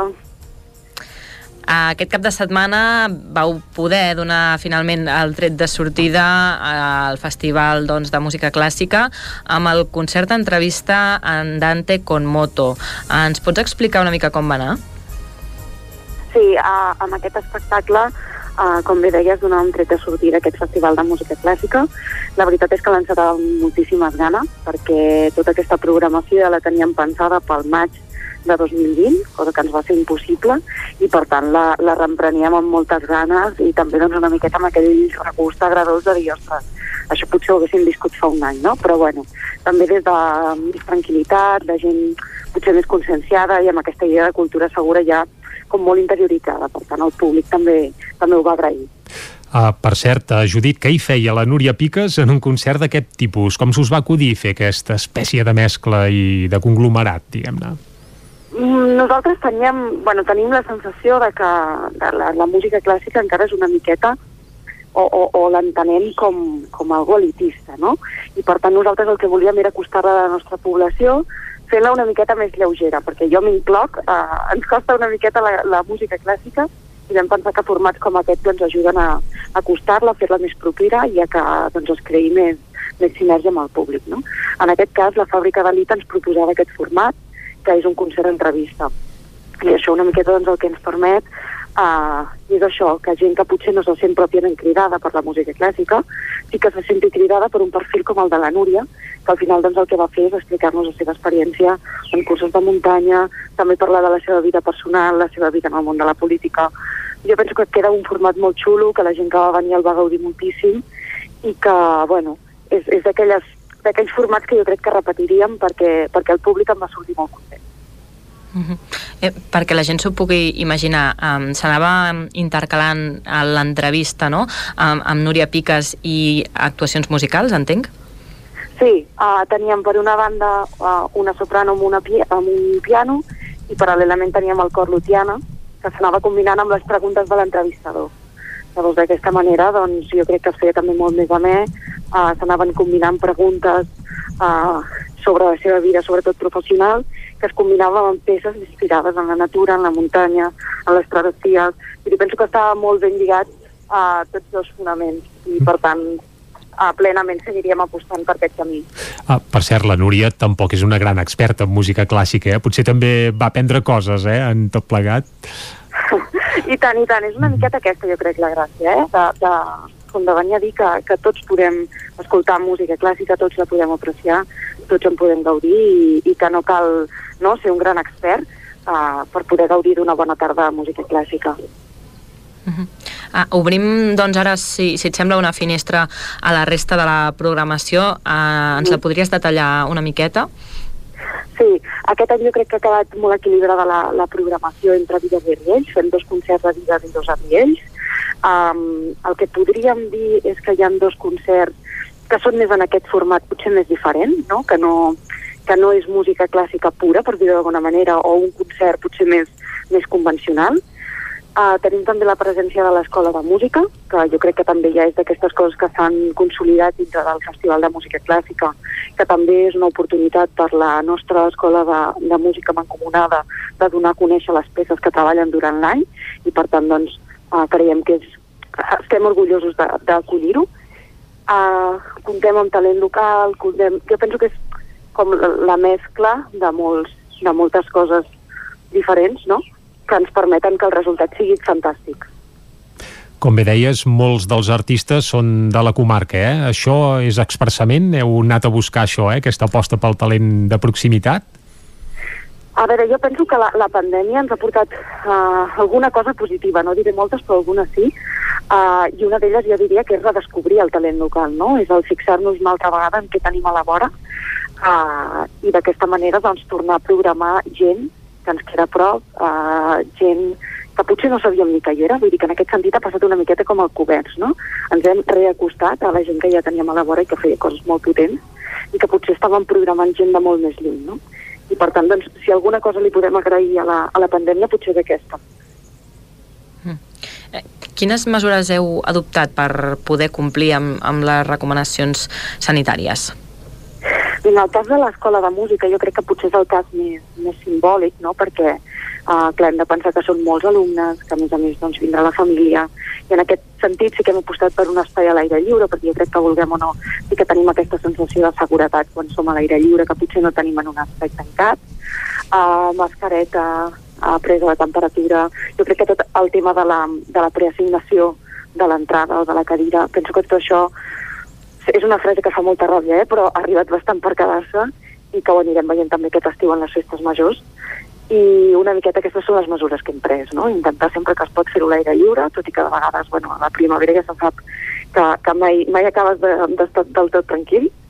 Um, I, bueno, intentar que la gent també, jo crec que cada vegada estem més conscienciats, tenim també moltes ganes de, de consumir cultura, de, de començar a fer coses, i per tant, doncs, uh, aquest Festival de Música Clàssica és una bona, una bona oportunitat per començar-ho a fer si és que encara no ho hem fet. I per cert, la gent que no esperi a última hora, eh? a l'hora d'assistir als concerts, eh, teniu eh, inscripcions prèvies, com ja has detallat, i suposo que el que aconselleu és que la gent doncs, s'inscrigui prèviament, tant en els concerts que són de pagament com els gratuïts, oi? Exacte, nosaltres eh, és un, bueno, una política que ja estem fent des de, des de fa un temps, des de, ben bé, bueno, des de que vam poder tornar a fer actes.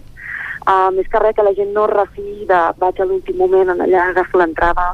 No, o sigui, la nostra idea és saber més o menys ja quanta gent ens vindrà per poder establir més o menys protocols um, en quant a la Covid, no? Per tant, ens va molt bé saber quanta gent està previst que vingui. Sí que és cert que sempre s'acaba presentant gent a última hora i això també és fantàstic, però, però sí que jo crec que en aquests moments eh, tota previsió és bona per, per poder fer un, un càlcul i una experiència molt més personalitzada i molt més segura. Abans de l'entrevista escoltàvem el nostre meteoròleg de capçalera, el Pep Acosta, i ens alertava que aquests propers dies de maig seran de cada dia un raig. Això vol dir que si al cap de setmana vinent hi ha un raig d'aquests, els concerts què feu? Se suspenen, s'ajornen, els reprogrameu? Quina previsió teniu en aquest sentit? En el cas de, de Riells, que és l'únic espai que tenim a l'aire lliure, sempre tenim l'opció del centre cívic interior, que això ens dependrà de l'aforament i de les entrades que hi hagin venudes. En el cas de Vigues ho fem a l'auditori.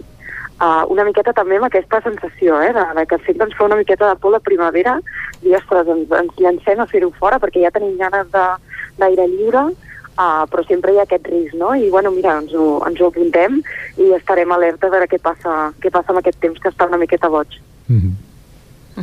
Canviem una mica de terç, si et sembla ara, perquè pel que fa a activitats culturals, Vigues ve de la suspensió de tots els actes que hi havia programats per Sant Jordi. Et volíem preguntar si teniu previst poder recuperar doncs, aquesta programació en algun moment. Sí, uh, de fet ja l'estem ja reprogramant. Alguna l'hem col·locat uh, durant la festa major perquè pensem que és un moment on hi ha molta participació i a més a més on hi ha participació activa de part de la població que la resta de l'any no, no veiem.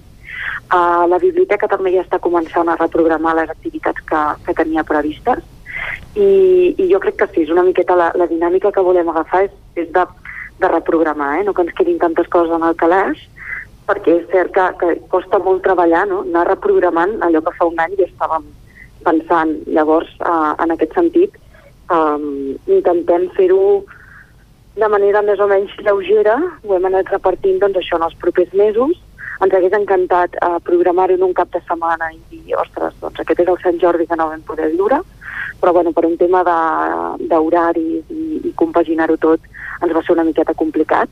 El que sí que ja sabem segur és que el Monstre dels Colors, que potser era l'acte més o en, la, en el que esperàvem més públic, es reprograma per Festa Major, a més a més doncs, acollit per la biblioteca que aquest any fa el seu desè aniversari.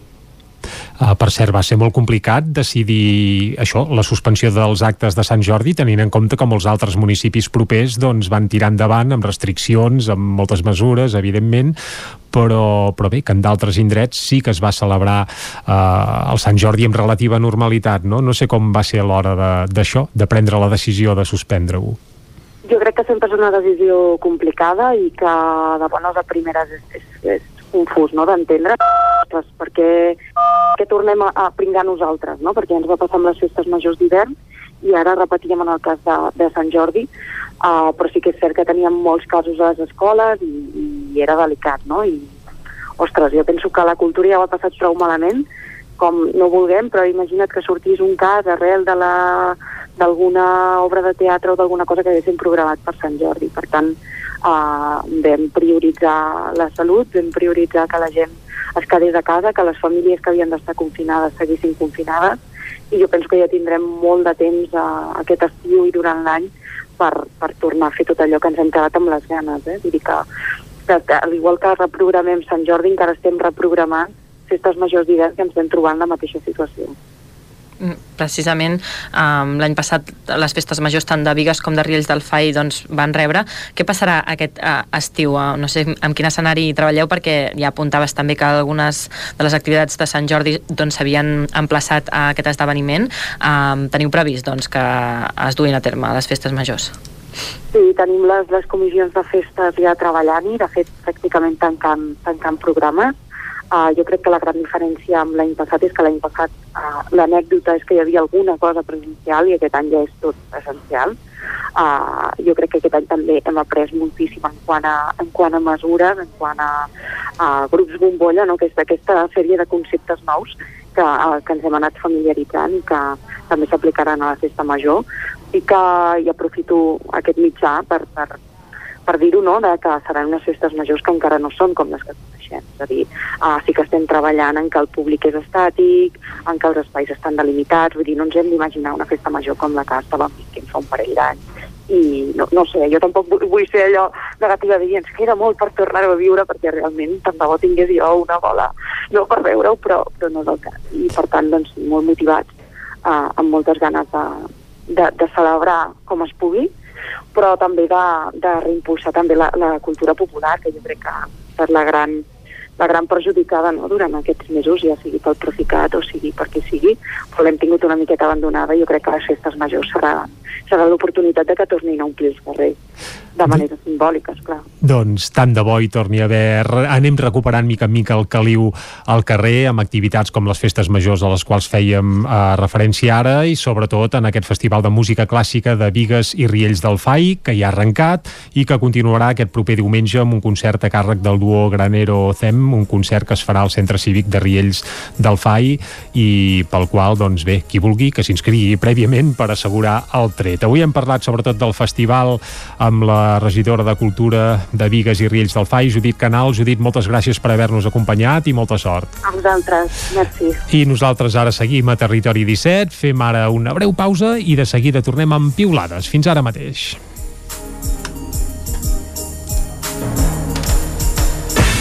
El nou FM, la ràdio de casa, al 92.8. Mudances a la carta. Som especialistes en muntatge i desmuntatge de mobles. Oferim servei de guardamobles i fem mudances a tot el territori. Trasllats de pianos i peces delicades i també fem embalatge i protegim. Mudances a la carta. Serveis adaptats a cada client. Ens trobaràs al telèfon 605 04 34 75. Ecoví, la vinoteca d'Osona. La millor selecció de vins catalans, caves, cerveses i licors al millor preu. Vine a Ecoví, la vinoteca d'Osona. Carretera de Sant Hipòlit 21, Vic. Fa més d'un any que hem de fer gestos difícils per aturar la pandèmia. Ara per fi ha arribat el moment de fer el gest que estàvem esperant, vacunar-nos contra la Covid-19. Avancem amb la vacunació esglaonada per franges d'edat. Dona't d'alta a la meva salut i actualitza el número de telèfon mòbil per assegurar-te que t'avisem quan arribi el teu torn. Recorda, lamevasalut.gencat.cat Salut, cuidem el que som. Catalunya 2030, Generalitat de Catalunya. Ja sé com vull el nou bany. Blanc, d'estil mediterrani, fresc i funcional. Ara que també podríem aprofitar per canviar el terra del pis. Fa tant de temps que el vull renovar. A Corretja trobem el bany que millor s'adapta a tu. I si t'animes, trobem el que millor li queda a la resta de la teva llar. 100% bany. 100% Corretja.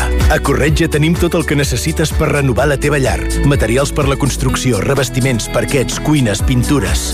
Al carrer Mas Vigues 8 de Vic, a corretja-sl.com o a Instagram. 100% materials per la construcció i la decoració. 100% Corretja.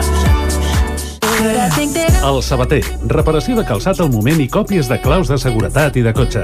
Esmolem tisores i ganivets, cosim pell i cremalleres, arreglem articles d'alpinisme i canviem soles de botes i sabates de muntanya i running. El Sabater. Som a la plaça Cris Rei número 1, al costat de l'església de Dalt Vila, de Manlleu. Telèfon 677 45 46 01.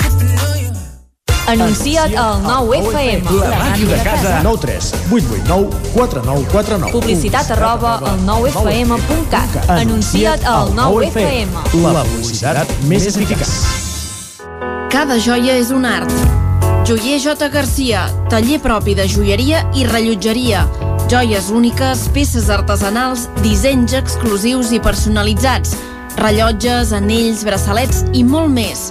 Joier J. Garcia, ens trobaràs a la Rambla de Vallada 6 i a la carretera de la Guixa 10 de Vic i a Tona, al carrer Barcelona número 17. També a Instagram i a jgarciajoyer.com.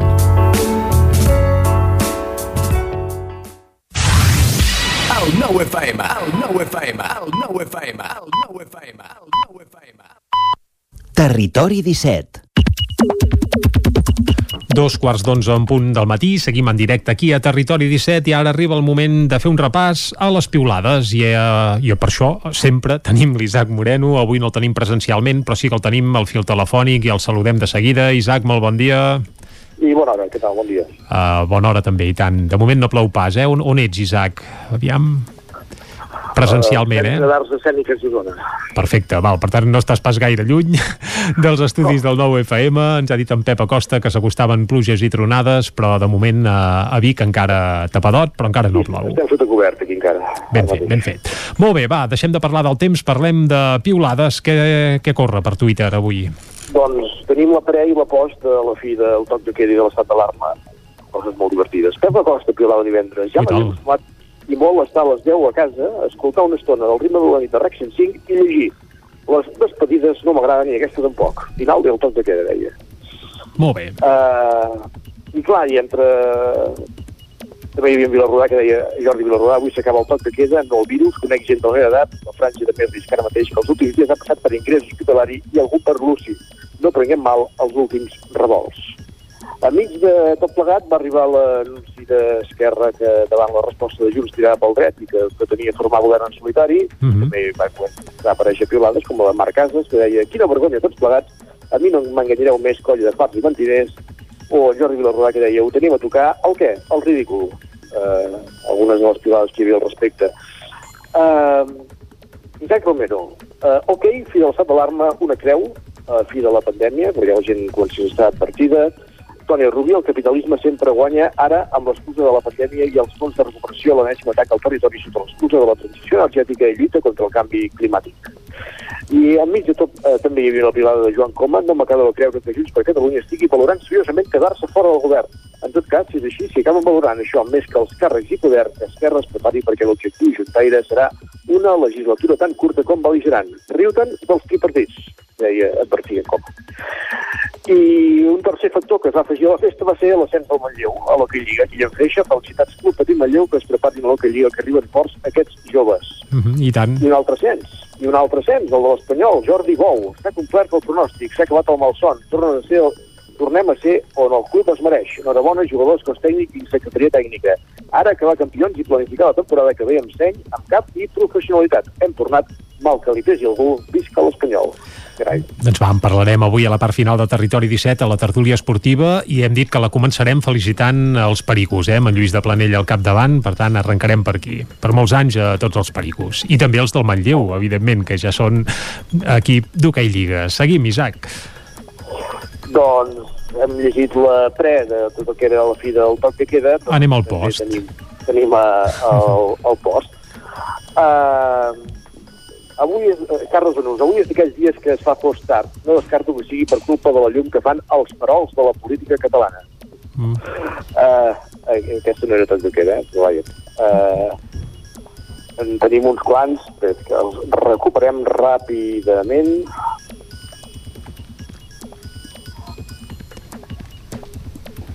Com som els humans, diu Gerard López? Un, un any buscant vacunes, fent restriccions, confinaments, sacrificis, i resulta que la Covid-19 se solucionava de forma fulminant, retirant l'estat d'alarma i el tot que queda. Com no vam poder veure-ho abans? En Visca fi, la ironia. aquesta, Està bé. unes, sí, i com aquesta, unes quantes. Del tema de Junts i Esquerra, doncs també hi ha piolades per donar i vendre en, en tots els sentits d'aquest cap de setmana. Ho Anem imaginem. ràpidament, si sembla... Eh, A les repassar- portades del 99.cat, correcte. Per on arrenquem, va? Intentem carregar ràpidament la d'Osona i el Ripollès. Ah, Doncs vinga, carreguem la portada vermella d'Osona i el Ripollès, on ara mateix hi tenim... diria que comencem per la verda, Jordi. Ah, doncs comencem per la verda, sí, home, sí, anem cap al Vallès Oriental. Ah, això, ara sí. Tornen els sopars al restaurant, Uh -huh. també jutgen un policia local de l'Ametlla per apujar l'import d'una multa quan l'afectada va anar a pagar i la policia local de Granollers dispersa grups de persones concentrats en parts a primera nit sense confinament nocturn. Ara sí, carreguem ràpidament la vermella i també repassarem els titulars del 99.cat. Aida Torres fa història a l'Europeu juvenil, en aquest cas estem parlant d'escalada. Una, un home entra a una botiga de Vic i cala foc i marxa i també Vic presenta el pla director d'Albert Urbà. Doncs Isaac, moltes gràcies. De què? Vinga, t'esperem demà, tant de bo presencialment, aquí als estudis del Nou. Vinga, salut, a reveure. I nosaltres ara anem cap a la taula de redacció.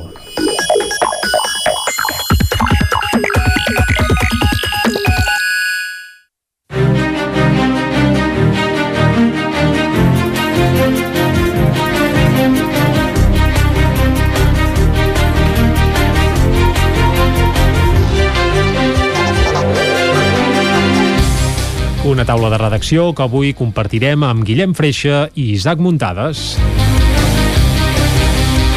I això no vol pas dir que ja entrem a la tertúlia esportiva, això arribarà a la part final del Territori 17, però, però bé, uh, Guillem, primer de tot, uh, molt bon dia. bon dia. A la part final parlarem de futbol Sí. uh, i del que faci falta, però ara volem parlar uh, de la fi del toc de queda i de l'aixecament d'algunes de les restriccions arran de, bé, de, per frenar la pandèmia.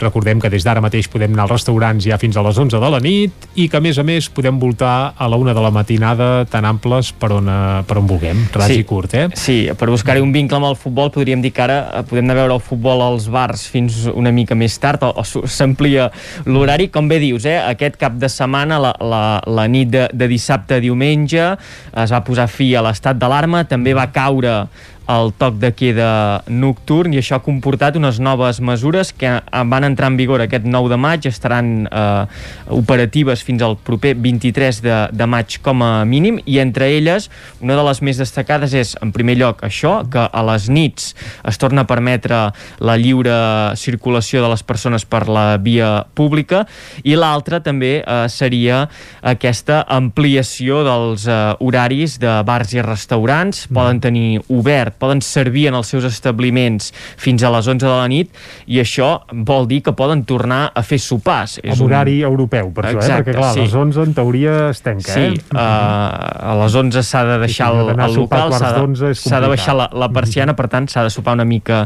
més d'hora i nosaltres aquest uh, diumenge el que vam fer va ser sortir al carrer i a veure quina sensació hi havia uh, en les terrasses, en els carrers uh, principalment de la ciutat de Vic. Vas anar de festa, ja. Ja, eh? Diumenge... Vaig, sí, a ahir, treure, el, a treure el, el cap al carrer. Dir que, eh, això, recordem que el dissabte a les 10 de la nit Mhm. eh, va començar el confinament nocturn, però a les 12 va decaure i el diumenge a les 12 de la nit, en aquesta matinada de, de diumenge, doncs ja es va notar eh, un canvi d'ambient al carrer, a la ciutat de Vic es veia gent per la via pública doncs voltant, eh, compartint alguna beguda en algun, en algun parc, en altres municipis de la comarca d'Osona també hi ha constància Clar, que hi va haver... que els empollots estan prohibits, per això, eh? ja Sí, sigui però hi havia, sense, en hi havia aquest, no val, eh? aquest bullici de gent passejant i, i recuperant aquesta vida social nocturna.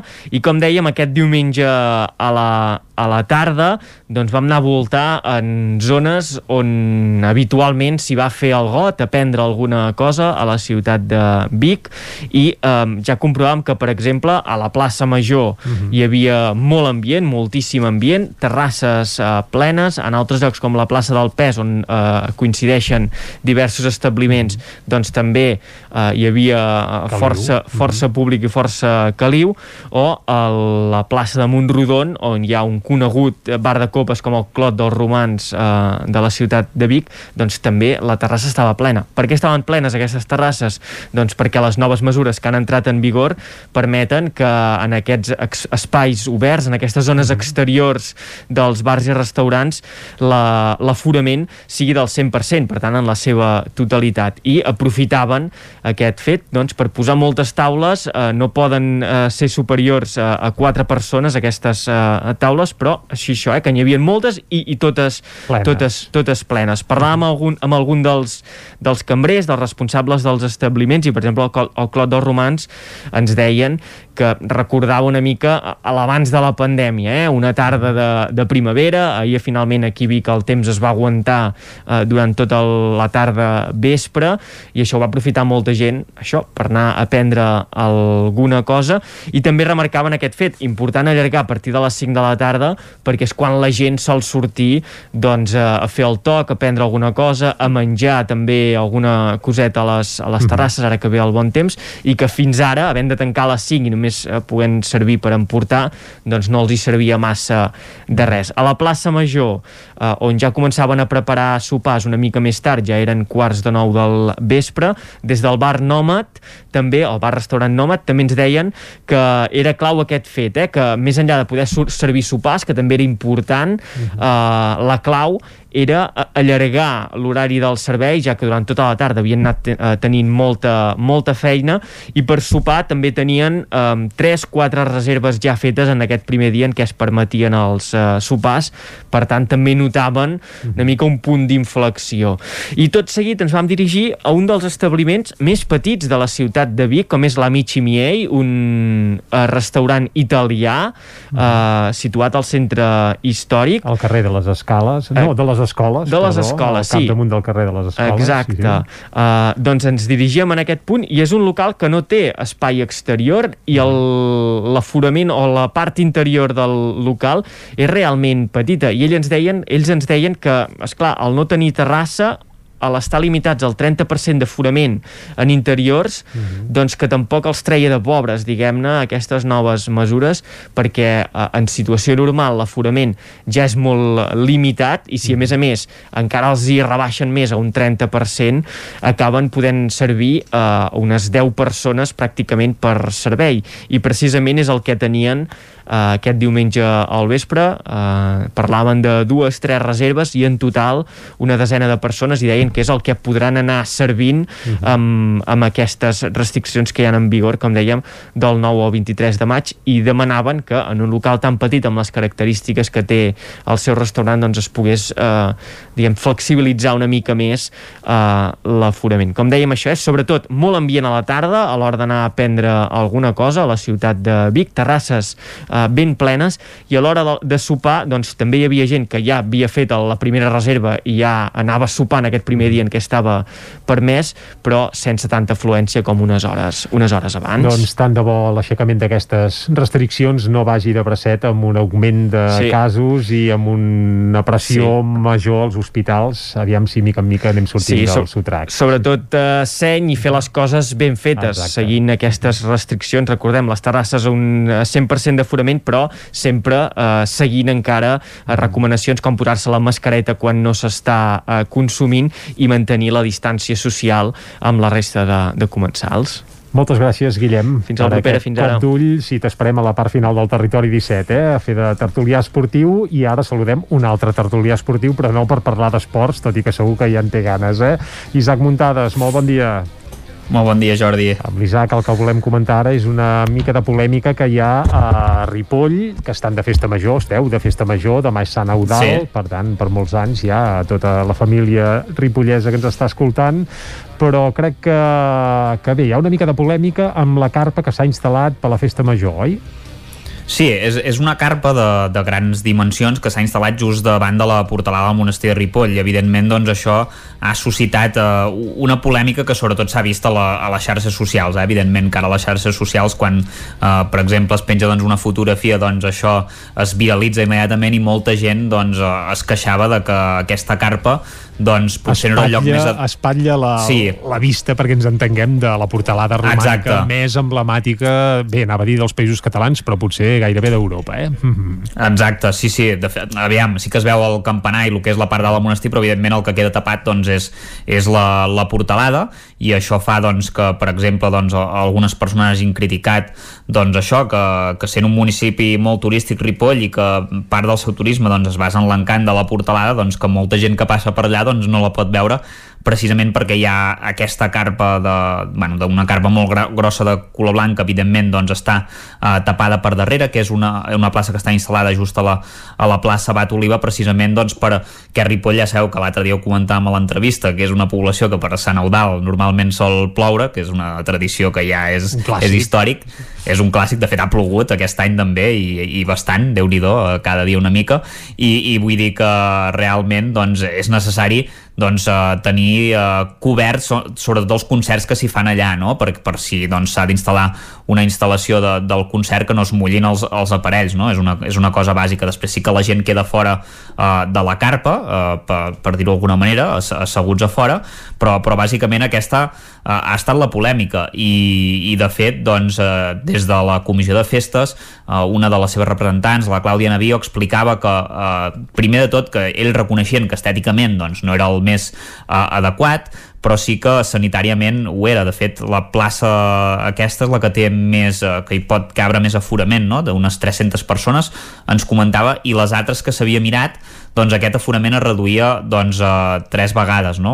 Fins a unes 100 persones, vull dir que realment era la millor plaça per fer-hi eh, activitats. A més a més, també el que es volia amb, amb ficant-la allà és que tota la gent, eh, tots els bars, la restauració, que estigui al voltant doncs, es puguin dinamitzar, que la gent eh, surti al concert i vagi doncs, a les terrasses a prendre alguna mica per ajudar doncs, aquest sector que ha estat tan perjudicat. I, I sobretot que hi havia gent també que es queixava de que l'entrada doncs, per la gent que volgués anar doncs, a, als oficis religiosos o algun enterrament que, que, que no podia passar i tal, doncs sí que van explicar que ja hi havia un, una distància entre la carpa i, i el que seria l'entrada a la portada del monestir de- d'aproximadament uns 9-10 metres doncs perquè la gent hi pogués entrar, que els fidels hi poguessin entrar i, i que no hi hagués problemes, que això sobretot doncs, eh, es va queixar la, la regidora no adscrita Sílvia Oriols, que ha estat potser l'única persona de l'Ajuntament que hi ha dit alguna cosa negativa des de la resta de partits que sapiguem no s'han pronunciat i, i nosaltres, eh, dir-vos un, un apunt que, que és interessant,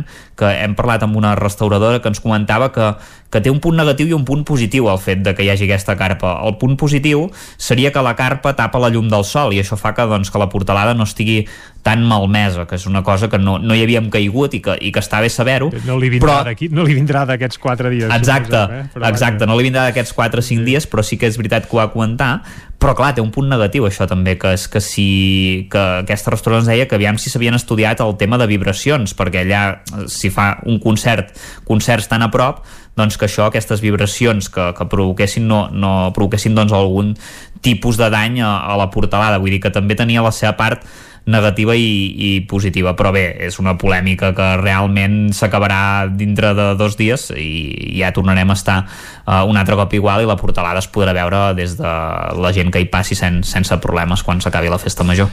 Doncs bé, ens quedem amb aquesta polèmica una mica, gairebé podríem dir que anecdòtica, però i sobretot amb el desig que tingueu una bona festa major i demà que és el dia del patró, Sant Eudal, doncs bé, amb carpa o sense, que serà amb carpa, doncs que vagi, molt carpa. bé, que vagi molt bé la festa major. Isaac, t'esperem a la part final del Territori 17, eh, a la tertúlia. Sí? Sí, i tant. Va. Ja hi podeu comptar, i tant, i tant. Doncs ja hi comptem. I ara sí que anem a fer el repàs esportiu no de la Lliga de Futbol de Primera Divisió, sinó el repàs esportiu als equips del nostre territori. També t'esperem, Isaac, en aquest repàs esportiu, eh? com passem pel Ripollès.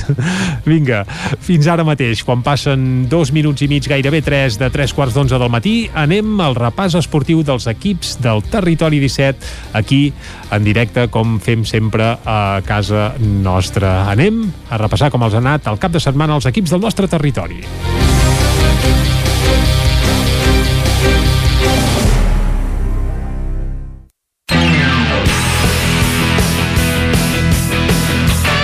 Doncs ens posem en moda periodistes esportius i el primer que farem és anar cap a Ràdio Cardedeu per saludar l'Òscar Muñoz. Òscar, molt bon dia. Bon dia, Jordi. Com ha anat el cap de setmana esportivament parlant? Mm, alguna, alguna sorpresa ha caigut, però mm, més o menys de sempre. O sigui, no tenim cap És a dir, sorpresa no, així. no esteu eufòrics, ras i curt, eh? No, no. Va. No, Molt bé, però que no. repassem com ha anat per això una mica, resultats i Exacte. marcadors. Per on comencem? Va. Doncs comencem a la tercera catalana, on aquest dissabte el Cardedeu eh, no va sortir, no va poder sortir de l'empat a 0. El Cardedeuenc s'enfrontaven al Lliçà de Vall fora de casa en un partit que va acabar amb poques ocasions de gols pels dos equips i que això ha fet que tampoc es moguin de, de les posicions de la Lliga. El Cardedeu segueix a aquesta tretzena posició. On sí tenim sorpresa en aquesta lliga és amb la victòria del Llinàs contra els vuitens classificats que eren l'Atmella del Vallès per 4 gols a 2. Primer partit guanyat del Llinàs, que arriba una miqueta tard a falta de dues jornades per acabar la Lliga, però bueno, aquesta victòria serveix doncs, per sortir de l'última posició on ja estaven i això, el primer gol del Llinàs va arribar en el minut 1 que això va fer que portessin les regnes durant tot el partit. Així que els llinasencs es queden dues posicions en aquesta lliga, que això, com comentàvem, no servirà de molt, ja que queden dues jornades per acabar. Molt bé. Ara, diumenge, al futbol sala, els cadauencs doncs, tampoc van tenir molta sort al perdre contra el Sant Julià de Ramis per 5 gols a 4. D'aquest partit eh, només sumen una altra derrota, ja que són 5 consecutives les que porta el futbol sala Caradeu en, en aquesta lliga, i això, en un partit que van començar marcant ells en un, amb un gol ràpid al minut 2, però després els de Sant Julià de Ramis eh, es posarien les piles i farien quatre gols seguits. Després ja era massa complicat fer aquesta remuntada. I acabem aquí a Cardedeu amb l'embol, on sí tenim victòria cardedeuenca en el partit que jugava el Cardedeu A contra la Fundació Sant Vicenç per 27 a 25. Eh, el Cardedeu escala una posició en aquesta lliga sènior masculina, ara van tercers a 5 punts dels segons. Molt bé. I acabem amb el futbol a Granollers, Com on l'Esport Club, Club? Uh -huh. Esport Club aquest cap de setmana va perdre 3 a 1 contra el Terrassa, així que bueno, ja l'Esport Club queda eh, a l'última posició d'aquesta lligueta, descens, perquè eh, aquest cap de setmana l'Europa va guanyar contra el Girona B i es va proclamar guanyadors d'aquesta tercera catalana on s'endu- on s'enduen aquest eh, ascens i aquest títol així que doncs, felicitats a l'Europa i a Granollers doncs, per pujar aquest ascens però no, no van poder puntuar massa en aquesta lliga. Bé, per tant, l'Esport Club que es quedarà on era, ras i curt. On era. Va. Exacte. Ja està bé. Molt bé, Òscar, moltes gràcies per aquest repàs. Uh, I anem ara a saludar la Caral Campàs. Caral, molt bon dia de nou. Hola, bon dia de nou. Com ha anat el cap de setmana? L'esportiu, eh? El musical l'hem repassat una Sí. mica. Sabem que Vigues i Riells del FAI ja han començat el Festival de Música Clàssica, però esportivament parlant, com ha anat això? Doncs no gaire bé, sobretot a, a l'hoquei, però començo pel futbol, si us sembla, i anem al grup 5 de tercera catalana. Teníem derbi Ona Codinenca, el Sant Feliu s'enfrontava a un Castellterçol doncs, que, era, que estava ple de, de baixes, un partit doncs, que va acabar amb golejada i victòria pel Sant Feliu per uh, 0 a 3, un resultat que deixa, perdó, per 0 a 4, un resultat que deixa el Castellterçol on era, que és primer per la cua sense cap victòria i en canvi el Sant Feliu de Codines s'impulsa amunt i es situa el número 6 a la classificació amb 16 punts. Per sobre del Mollà hi ha Ulligo, un Mollà que va ser derrotat eh, pel Ceba per eh, 3-4. Els de la capital del Moianès doncs, van anar a remolc des del principi del partit i després de fer eh, quatre concessions en defensa, el Mollà va acabar perdent davant el Ceba eh, i un Mollà que es situa a la classificació ara per sota del Sant Feliu de Codines, el número 7 amb 14 punts. I me'n vaig cap a l'hoquei, que com us comentava doncs no hi ha gaire bons resultats. El Sant Feliu de Codines, que com sabeu el tenim a segona divisió i que estan salvats eh, del descens des de fa dues jornades, s'enfrontaven dissabte un, a l'Arenys de Munt, en l'últim partit de la Lliga regular, a un Arenys de Munt que lluitava per classificar-se pels play-offs d'ascens eh, i que va imposar-se davant del Sant Feliu per eh, 3-5. Eh, bé, us comento, els errors a pilota aturada dels codinencs i el cinquè de l'Arenys van fer eh, que el gol del, de, de Fages, qui, a qui vam poder entrevistar la setmana passada aquí a Territori 17, el capità que, que ara ho deixa plega, que plega, sí. Que, ah, exacte, que plega, mm -hmm. doncs van fer aquest, el gol de Fages era el tercer pel Sant Feliu, però, però no va servir per guanyar i la segona part doncs, eh, va quedar una mica maquillada amb el resultat eh, final que va acabar amb aquest 3 a 5. Per tant, bé, aquest comiat al capità, Marc Fages, doncs, amb aquesta derrota del Sant Feliu davant, davant de l'Arenys per eh, 3 a 5. I eh, les noies del Vigas i Riells eh, segueixen amb la mirada doncs, de cara a la Copa de la Reina, que celebrarà a la Corunya a mitjans de, de juny amb aquests, com us comentava divendres, doncs aquests amistosos que, que, que juguen. Uh, aquest cap de setmana doncs, tocava a la pista del Voltregà i, i el Vigas va caure per 5 a 2. I acabo parlant del primer equip uh, d'alcaldes, el Recamp Laser Caldes, que feia més de 40 dies que, que no trepitjava la pista, com sabeu, per diferents positius, tant el seu equip com els equips rivals, i, i bé, van estar molt a prop de donar-li un ensurt al Liceu, que és segon a la classificació, però finalment doncs, van ser derrotats per 2 a 3, un partit emocionant on tots dos equips ho van donar tot fins al final. Per tant, el Caldes continua aquest número 4 lluitant doncs, per intentar recuperar la tercera posició. Molt bé, doncs moltes gràcies, Caral, per aquest repàs a, a l'actualitat esportiva des de Ona Codinenca i ara anem cap a la veu de Sant Joan per saludar de nou a l'Isaac Muntades. Isaac, bon dia. Bon dia de nou, Jordi. El Ripollès, com ha anat? El tema esportiu, eh? Sabem que esteu de festa, eh? Festa major de, de Sant Eudal a Ripoll, però hi ha hagut activitat esportiva igualment, eh? Sí, hi ha, hi ha hagut algun, alguns partits que destacats. Uh, si et sembla, comencem per al futbol, el grup 18 de la tercera catalana, perquè la Badesenc doncs, segueix escalant posicions a la Lliga, per, va guanyar per 2 a 0 contra el Font Coberta, que era el, el tercer classificat fins llavors, per tant, eh, molt bon resultat, que, que es va fer esperar eh, aquesta victòria fins als darrers minuts del partit, i això que els Sant Joanins van ser molt superiors i van dominar doncs, de principi a fi, fins i tot doncs, van arribar a fallar un penal que els hi podria haver aplanat el camí de la victòria, però no va ser fins al minut 81 que van aconseguir obrir la llauna i no va ser cap jugador de la Badesenc, sinó que va ser un gol en pròpia porteria eh, de Torró que en una centrada des de la línia de fons doncs allò que, que centres i remates la pilota sense voler i va fer el primer gol del partit uh -huh. I, i en l'últim uh, minut doncs l'Eix va aconseguir en un 1 contra 1 uh, superar el porter des de la frontal de l'àrea per, per aconseguir aquest definitiu 2 a 0 i que deixa els 3 punts a Sant Joan de les Abadeses i ara mateix la Badesenc és 5è amb 17 punts i a 6 del, del lideratge que el marca l'Unió Girona però, però serà difícil eh, aconseguir uh, guanyar aquesta lliga perquè queden um, cada cop menys partits i, i també és, és complicat. Uh, però bé, fins al final de moment encara té opcions, per tant, bon resultat. Uh, en canvi qui ja difícilment ja aconseguirà fer alguna cosa en aquesta lliga és el Can Bànol, que, que està de pega va, no va poder passar de l'empat a un contra les preses en un partit que realment tampoc havia merescut guanyar, a diferència del dia de la Badesenc, doncs, que va tenir totes les ocasions, doncs aquest cop va ser les preses qui, qui va tenir tot, les va tenir i, i de fet el porter Celles va salvar el partit en incomptables ocasions, als, als 20 minuts ja havia fet tres aturades de mèrit i fins i tot doncs, havien rematat una pilota fora a les preses amb molt de perill. I, i a la segona part sí que eh, també va tenir alguna ocasió clara a les preses i el Camp de Bànol també havia tingut algun xut durant el partit però tampoc havia set extremadament clar. I va ser el Camp de Bànol qui es va avançar al minut 80 amb un gol de Mercè que va rematar una, una centrada de Christian però a l'últim minut a les acaballes eh, Col Colomer va empatar doncs, en una falta lateral en l'última jugada.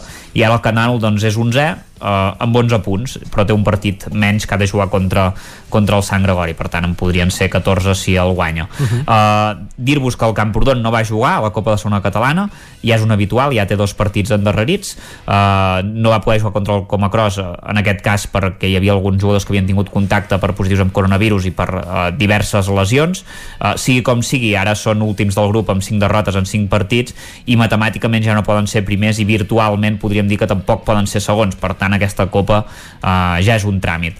I per acabar, dir-vos que la segona fase de la Lliga Nacional de Primera Catalana, ensopegada de l'Escola de Futbol Sala Ripoll-Servicat, que no va passar de l'empat contra el futbol sala Prat Bar la Terraza Alcalà en un partit molt igualat i que els ripollesos van haver d'afrontar doncs, amb moltes baixes per lesions i sancions com les de Brian i, i Dani i els locals van avançar a la primera part però el Ripoll doncs, va aconseguir anivellar el marcador uh -huh. just abans del descans amb un gol de l'Eix i ara el Ripoll és segon a la competició amb 4 punts i es troba a dos del líder que és el Padre Damián per tant de moment es comença a despenjar i és molt important no fallar en aquesta competició tan curta perquè si no et quedes ràpidament sense opcions Isaac, moltes gràcies per aquest repàs a vosaltres Farem a la part Adeu. final a la tertúlia esportiva i ara anem cap a Osona amb l'Ester Rovira Ester, bon dia. Bon dia. Tenim un titular avui, és que el Manlleu serà equip d'hoquei Lliga la temporada que ve, eh? Exacte, el Club Patí Manlleu que torna per tercera vegada a la màxima competició estatal de l'hoquei patins. En l'última dècada doncs ja ho havia aconseguit dues altres vegades.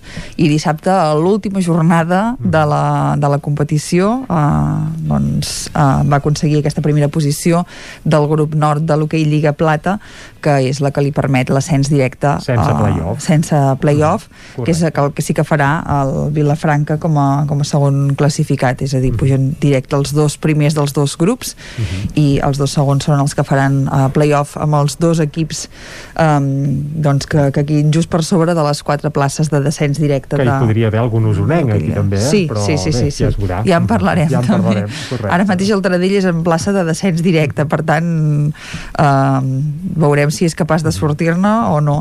Eh, I en el cas de, del Manlleu, eh, això que dèiem, una temporada boníssima d'un grup d'amics que fa molt temps que destaquen eh, en categories inferiors, la gent de l'hoquei el, els coneix sobradament perquè és això, perquè és un grup amb molt talent, eh, molt jove, que fa molts anys que treballen junts, que fa molts anys que intenten també eh, aquest ascens, que han destacat a les categories també inferiors de la, de la selecció espanyola i que finalment doncs, el seu treball ha tingut recompensa amb aquest ascens. Van guanyar per 1 a 3 a la pista del, del Capellades dissabte, eh, però bé, en tot cas era la constatació d'una molt bona temporada eh, que per ells no va començar gaire bé perquè van començar un mes més tard que els seus que la resta d'equips de la categoria però no per ells, sinó perquè tots els seus rivals tenien casos de positius de, de coronavirus i això al principi va ser una mica de, de problema, eh? però després sí que hi ha hagut algun alt i baix, però ha estat una temporada molt bona i la recompensa doncs, ha estat aquest, Doncs, aquest ascens. felicitats al Club Patí Manlleu. Uh, que han continu... més coses que, sí, sí,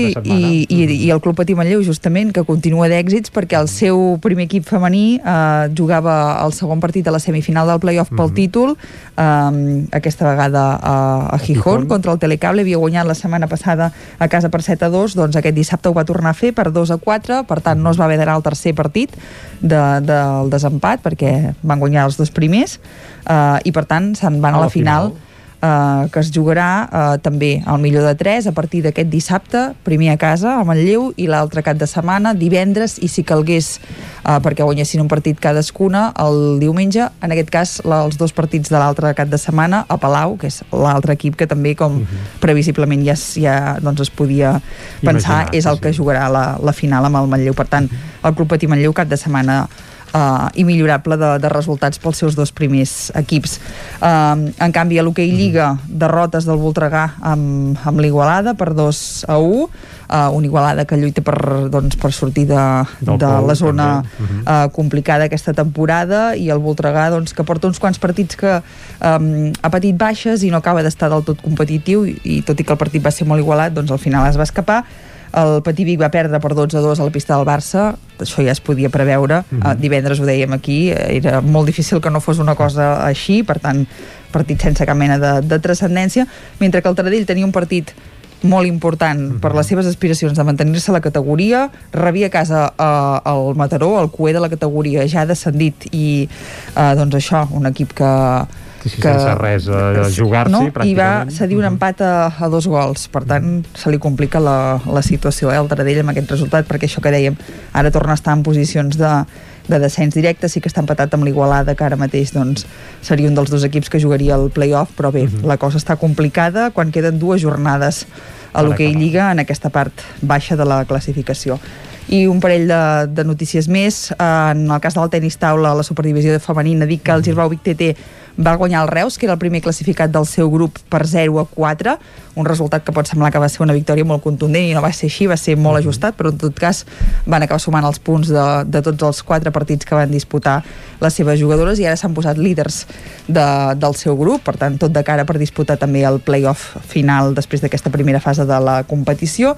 I en futbol el més rellevant és que el Tona a primera catalana, va golejar aquest cap de setmana al Cué, a la Junquera per 4-0 i continua líder, a més a més ara ja una mica més destacat amb 4 punts de diferència respecte a Lloret i l'Escala i el Llagostera B, que són els equips que li venen uh, per darrere, perquè justament el Llagostera B van sopegar el camp del Manlleu uh, on doncs, els manlleuencs es van imposar per 1 a 0 punt, ah, i tres punts molt importants també, aquests en el cas del, del Manlleu que és cinquè ara mateix, amb 21 punts, a tocar d'aquests tres que persegueixen el, el Tona.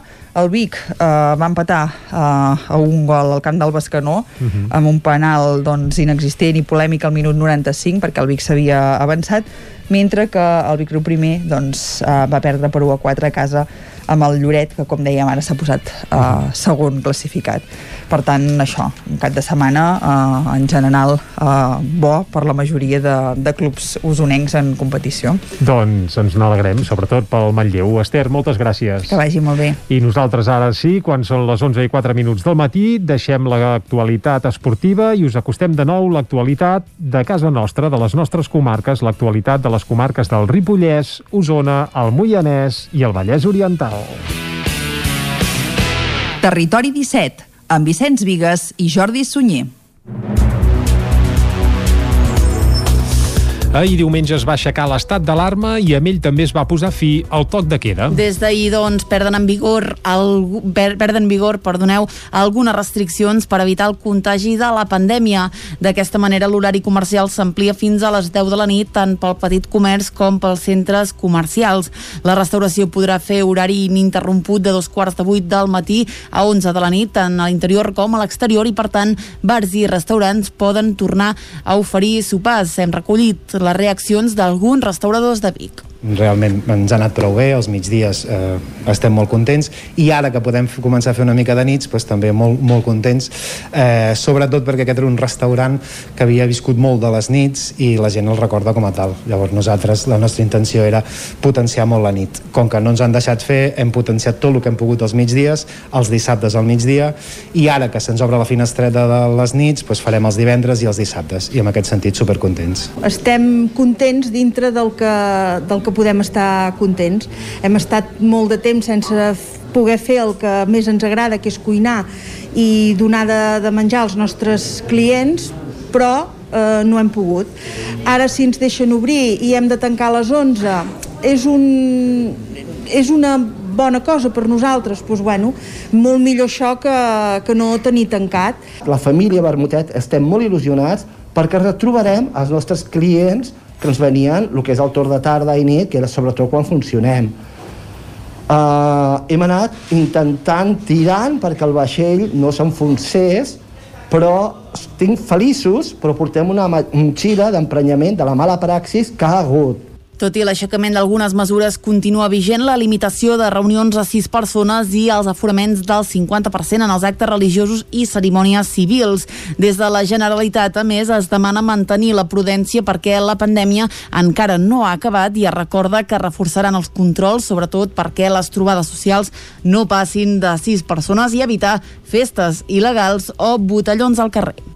Polèmica per la instal·lació d'una carpa davant del monestir de Ripoll durant la festa major. Isaac Muntades, des de la veu de Sant Joan. La carpa que l'Ajuntament de Ripoll va instal·lar just davant del monestir de Ripoll en el marc de la festa major de Santa Eudal va generar certa polèmica a les xarxes socials, ja que hi havia gent que es queixava que l'estructura tapava la portalada del monestir de Santa Maria de Ripoll i quedava molt antiestètica. Una de les cinc noies que forma part de la comissió de festes de Ripoll i que va en el seu nom, Clàudia Navió, va contestar aquestes crítiques a través d'una publicació a les xarxes, on deia que havien intentat muntar una sèrie d'actes per donar vida al poble i que estar al darrere de l'organització és molt complicat. Navió reconeixia que la carpa no era bonica estèticament i que molta gent els havia dit que una carpa que no estigués tapada també funcionaria, però que tenia una raó de ser de caràcter purament sanitari, ja que permetia tenir el màxim aforament i ajudar al sector de l'hostaleria. Hem decidit col·locar-lo a la plaça Bat Olivo, que és just davant del monestir, ja que és la plaça que disponem de Ripoll, que és més gran i a nivell d'aforament hi caben més persones. Clar, sí que hem estudiat posar-la a diferents llocs, però és que és inviable, ja que el monestir així amb seguretat i prevenció del Covid i poden quebre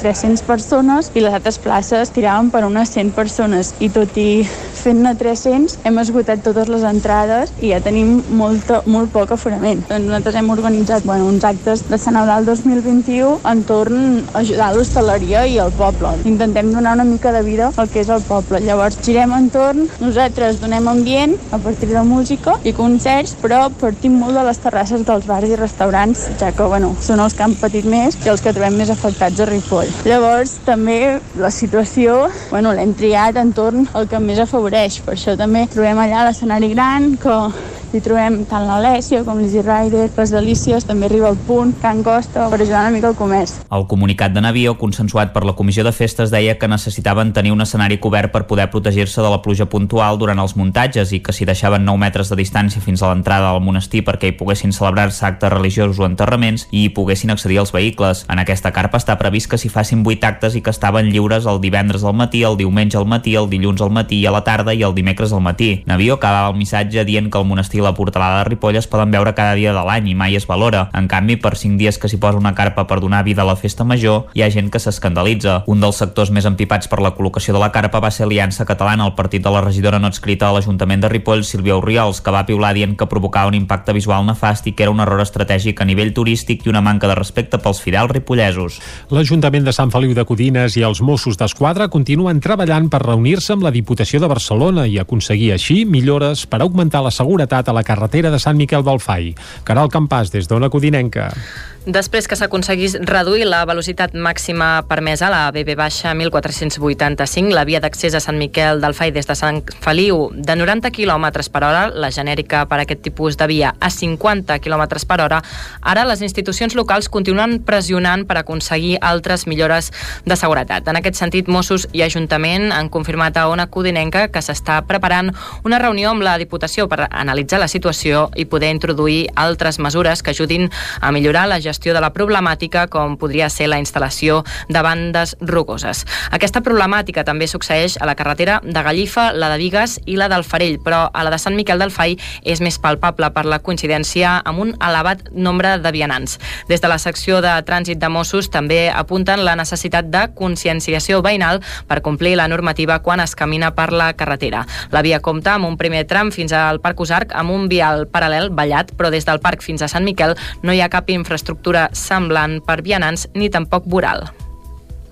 La Casa Corbella ha tornat a obrir les seves portes per un rodatge de quilòmetre zero fet amb actrius, actors i tècnics de Cardedeu. David Auladell, de Ràdio Televisió Cardedeu. L'atzar i la probabilitat són els protagonistes de la Casa Bernoulli, un curtmetratge rodat a la Casa Corbella ambientat en l'època modernista. Núria López, responsable de vestuari de la Casa Bernoulli. Està inspirat en el modernisme, el 1890, 1900. Ha sigut complicat ambientar-ho, trobar el material, trobar l'atrezzo, la roba, però amb l'ajut del Museu de Cardedeu i amb una empresa de lloguer de vestits hem pogut equipar tothom i gràcies a la Casa Corbella que ens han, que ens han ajudat i ens han cedit tot el seu espai, el seu, els seus mobles i el seu material. La Júlia Bonjoc donarà vida a la Dàlia i l'Enric Alegre al risc. L'Aida Morés serà l'Aida, els tres personatges de la Casa Bernoulli, un curtmetratge escrit i dirigit per Maria López i David Molina. Escoltem Aleix Cànovas, el director de fotografia del curtmetratge. I la Maria ens va parlar i ens va dir que sí, teníem ganes de fer un nou curt i, i bueno, tothom es va animar a fer-lo. El primer dia de rodatge es va fer la primera planta de la Casa Corbella amb els tres protagonistes i el proper dia 21 s'acabarà el rodatge a la planta de baix i a les quadres de la casa. La primera jornada de rodatge va ser molt intensa perquè ningú crec que s'imaginava la feina que hi havia i realment vam anar molt de bòlit tots, però el resultat serà molt potent. Ara faltarà per veure quin serà el resultat final de la Casa Bernoulli. I fins aquí el butlletí informatiu de les 11, que avui primer us l'hem ofert una mica més tard, a les 11 i 5 minuts, però com sempre us l'hem ofert amb les veus de Clàudia Dinarès, David Auladell, Caral Campàs i Isaac Muntades. Ara el que toca aquí a Territori 17 és, com fem tots els dilluns, treure el cap als solidaris. Ens la costa cada setmana l'Eloi Puigferrer. Avui ens parlarà de joguines sense fronteres. Coneixerem tots els detalls d'aquesta entitat de seguida, aquí als solidaris, quan falten, re, dos minuts i mig per un quart de 12 del matí. Anem cap als solidaris.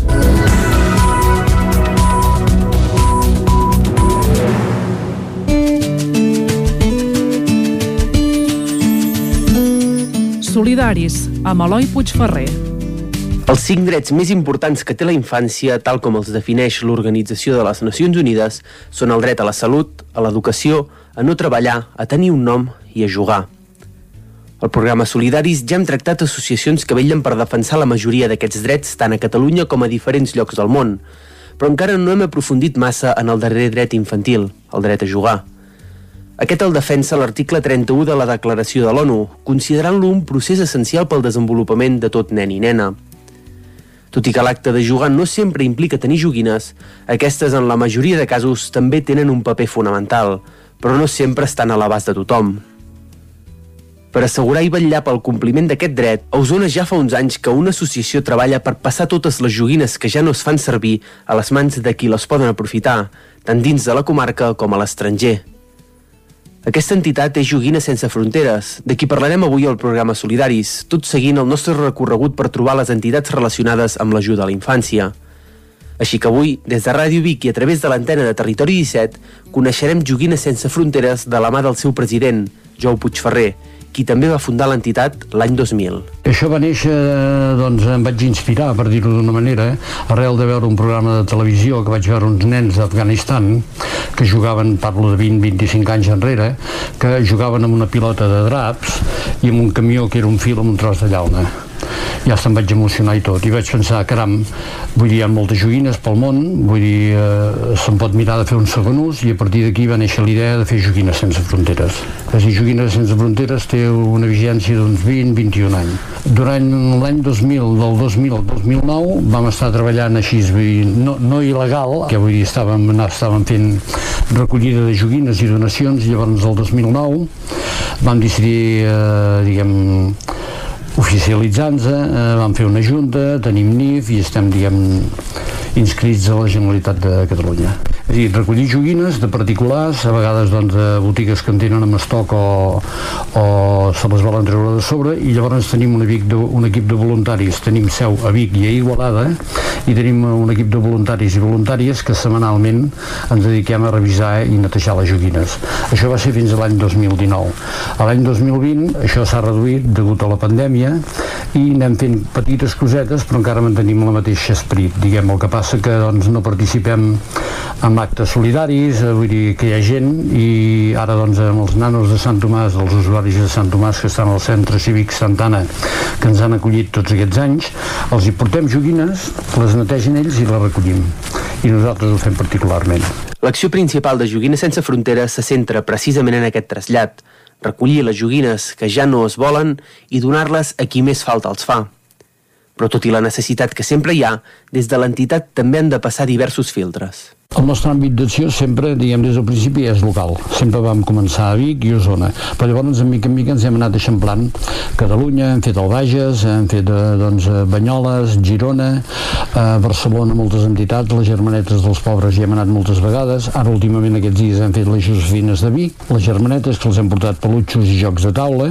I ara l'idea, tot i estant en pandèmia que tenim aquest any, és en mica en mica anar, anar-nos extenent a les residències, sobretot de, els avis que han quedat molt tocats eh, per la pandèmia i poder abarcar mica en mica, si podem, tot Catalunya. Diguem, Joguines sense fronteres sembla ser que al principi és pels, pels nens, no? i les nens i les nenes, que és un dret universal, que vull dir que després de la salut, eh, l'alimentació, l'escola, l'abrigall, doncs tenen dret a jugar. Llavors, tots els nens, a vegades molta gent que ens dona joguines en mal estat, jo sempre els hi faig una pregunta. Vostè aquestes joguines que ens dona a nosaltres les donaria al seu fill? Si és que sí, les acceptem. Si és que no, doncs no cal que ens les porti. Quan arriben les joguines, el primer que fem és revisar-les. Les revisem. Si estan molt mal estat, van a la deixalleria. Llavors nosaltres som, ho reciclem tot, el ferro, amb el ferro, la fusta, el plàstic, i llavors el que també tenim molt clar des del principi, que quan ens en, entren joguines de caràcter bèl·lic, militar o policial, ja les eliminem directament. No volem que cap nen, o nen almenys de, de, de destinatari de les joguines nostres rebi cap arma, que malauradament ja n'hi ha prou de reals. Les necessitats estan sempre presents i això es repercuteix en un gran nombre de joguines que passen per les mans de l'entitat cada any. Aquest passat 2020, tot i la pandèmia, les xifres no van pas ser baixes. L'any passat, tot i estant en pandèmia, vam repartir unes 7.000 joguines. El 2019 devíem arribar a 8.000, 8.000 i pico. El 2018 també 5 a 6.000. Llavors, vull dir, eh, nosaltres aquest any anem una mica més fluixos, perquè doncs l'estar en pandèmia, però també tenim eh, que com que ens troben per internet o pel Facebook o per Instagram, hi ha molta gent que ens demana joguines. I llavors, ara fa una temporada que estem organitzant el magatzem que tenim a Tardell, que ens deixa una mica, i ara fa uns quants dies que no recollim joguines perquè volem tenir el magatzem ordenat. I allà on ho fan encara cada setmana, amb les mesures de protecció sanitària, els, els dimecres ho fem a Vic i els dijous a Igualada. Un cop les joguines les tenim netes, eh, la, totes les, les emboliquem en bosses de plàstic petites i les posem al magatzem, vull dir, llocs des, de, des, de, des dels infantils, adolescents, també tenim molts llibres, fins a, fins a joguines més grans, fins que arribem als jocs d'adults, i llavors doncs, ja tenim una sèrie de, de, de persones o associacions com és Sant Tomàs, vull dir, totes aquestes persones d'aquí la comarca, centres de cívics, que ja ens truquen, escolta, teniu joguines? Sí, doncs què voleu? Doncs ja ens passen la llista i nosaltres els hi preparem. I amb alguns d'ells o d'elles, ja quedem un dia, anem al magatzem i les mateixes monitores doncs volen sonalls, volen coses elèctriques, ai, volen coses musicals, perquè per exemple a Sant Tomàs de l'Estel doncs, són escoles especials i d'alguna de la comarca també ho fem. La pandèmia, però, ha complicat molt la feina joguina sense fronteres, ja que per molt que l'acció s'ha mantingut tot i les restriccions al tractar-se d'un dret fonamental, ha vist tallada en sec la seva activitat. Puigferrer explica com ho han viscut. Ens ha afectat com a gairebé totes les entitats. D'entrada, doncs, eh, a partir del famós 11 de març de l'any passat de cop i volta vam, vam deixar d'anar al centre cívic la gent ens vam recollir les cases com tothom hi va haver un parell de persones i jo doncs, que vam estar en contacte sempre telefònic si hi havia alguna emergència algun col·legi doncs vam donar cap a 8 o 900 joguines l'any passat a l'Ander sempre repartint famílies tot això a través de, de contactes que ja tenim. Vam fer un sol viatge les vam deixar doncs, a l'escola i llavors les famílies les van anar a buscar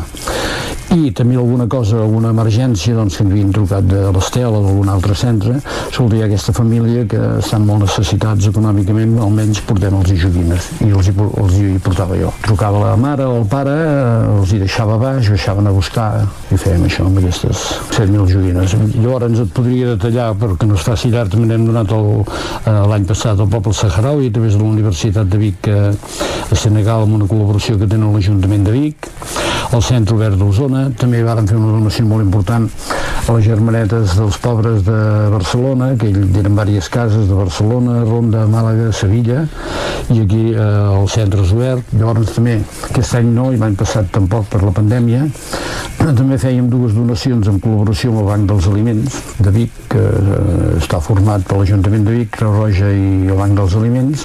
Anàvem allà al Banc dels Aliments, donàvem uns tiquets de color, eh, quan venien les persones, eh, tot això en contacte ja, eh, perquè tenim molt bona relació, ara el que passa que això s'ha parat per, per qüestions sanitàries, doncs els hi donàvem un tiquet de diferents colors i llavors els citàvem al cap de 15 dies al centre cívic Santana i si venien doncs, 400 o 500 joguines a buscar, depèn, una família doncs, tenia un nen de 3 anys, una nena de 5 un altre nano d'11, nosaltres ja ho, ja ho classificàvem. I com veníem allà, doncs els, els fèiem entrar en un en un, abans de la pandèmia, i els hi donàvem les joguines. Però tota aquesta feina no seria possible sense totes les persones que col·laboren amb Joguines Sense Fronteres, bé sigui donant, ajudant a netejar i preparar les joguines o assegurant que arribin als destinataris finals. El primer pas, però, sempre prové de la mateixa societat. Les donacions doncs, ens provenen de particulars. És dir, aquesta setmana m'han trucat uns nanos de Girona que volen fer una recollida, l'altre dia va venir una senyora de Sant Pol de Mar, gent de Barcelona, gent de Vic, gent d'Igualada, gent del Bages, gent que doncs, eh, a vegades també m'he trobat amb alguna cosa i diu, escolta'm, tens de venir a buscar cinc caixes de joguines. Dic, doncs bueno, ja quedarem un dia. Primera, estan en bon estat? sí, a vegades em diuen en bon estat i estan fatal oh, és que les tens de venir a buscar demà, o oh, demà no puc jo i organitzem, oh, és que si no us les llançaré doncs bueno, malauradament. Però llavors intentem coordinar perquè la gent quan els agafa que vol llançar, vol llançar en canvi hi ha molta gent molt més conscient molt més responsable, que escolta, aquesta setmana no em va bé però podríem quedar d'aquí 15 dies un dia que vinguem a Vic. Per exemple l'altre dia em va venir un matrimoni de Barcelona quedem en un lloc d'aquí Vic i fem el canvi de joguines del seu cotxe al meu cotxe. Mm. i del meu cotxe van a parar al magatzem. També hem tingut alguna col·laboració de, de, de gent que fabrica fabrica joguines, doncs, eh, concretament de l'empresa Andreu Tois d'aquí de Balanyà que té, fa joguines de fusta. Llavors, eh, tot el que són joguines elèctriques, tenim un parell de voluntaris que són els xispes, eh, que els agrada molt remenar, i doncs agafa les... tenim jocs de piles, tornavisos, i bueno, ja jo em cuido més dels puzzles, dels trencaclosques, un altre li agrada més netejar nines, hi ha unes noies que es dediquen a pentinar nines i ens anem fent una mica en mica així. Actualment són pocs, però diguem, quan estàvem, diguem, eh, eren 8 o 9 persones a Vic i 8 o 9 a Igualada. També hem tingut algun, alguns nanos de la Fundació Impulsa que han vingut a fer voluntariat i llavors jo els signo un paper. Sí, sí, sempre és benvinguda. Dir, el que passa que ara el, el centre, que era el centre nostre habitual, que era el centre cívic Santana, en col·laboració amb Sant Tomàs i amb la col·laboració de l'Ajuntament de Vic, ara, degut a la pandèmia, potser ara a partir d'un un mes o dos mesos s'obriran, ara doncs estem al magatzem de Tardell, que és una casa de pagès, que és un, un magatzem que ens deixen uns amics. I quan acabem d'adreçar el magatzem, continuarem netejant allà. Llavors aprofito la pregunta que em fas, doncs que sí, que si hi ha voluntaris o voluntàries que, que volen venir, els, llocs, els dies habituals que fem eh, només parem per, o paràvem per Setmana Santa o per Nadal, són tots els dimecres de 10 a 1. Un cop de mà extra mai va malament, com tampoc ho fa una ajuda econòmica, ja que l'entitat avui en dia sobreviu gràcies a la bona voluntat de fundacions, entitats, ajuntaments i algun soci.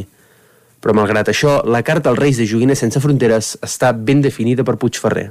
Ens en sortim com podem, però vull fer menció pública, aprofitant la benentesa que, que avui ens heu convidat, de que cada any tenim una ajuda de la Fundació Girbau i de la Fundació Puigferret i llavors tenim alguns socis, molt pocs. Aquests diners que rebem els fem servir, eh, vull dir, no tenim grans gastos nosaltres.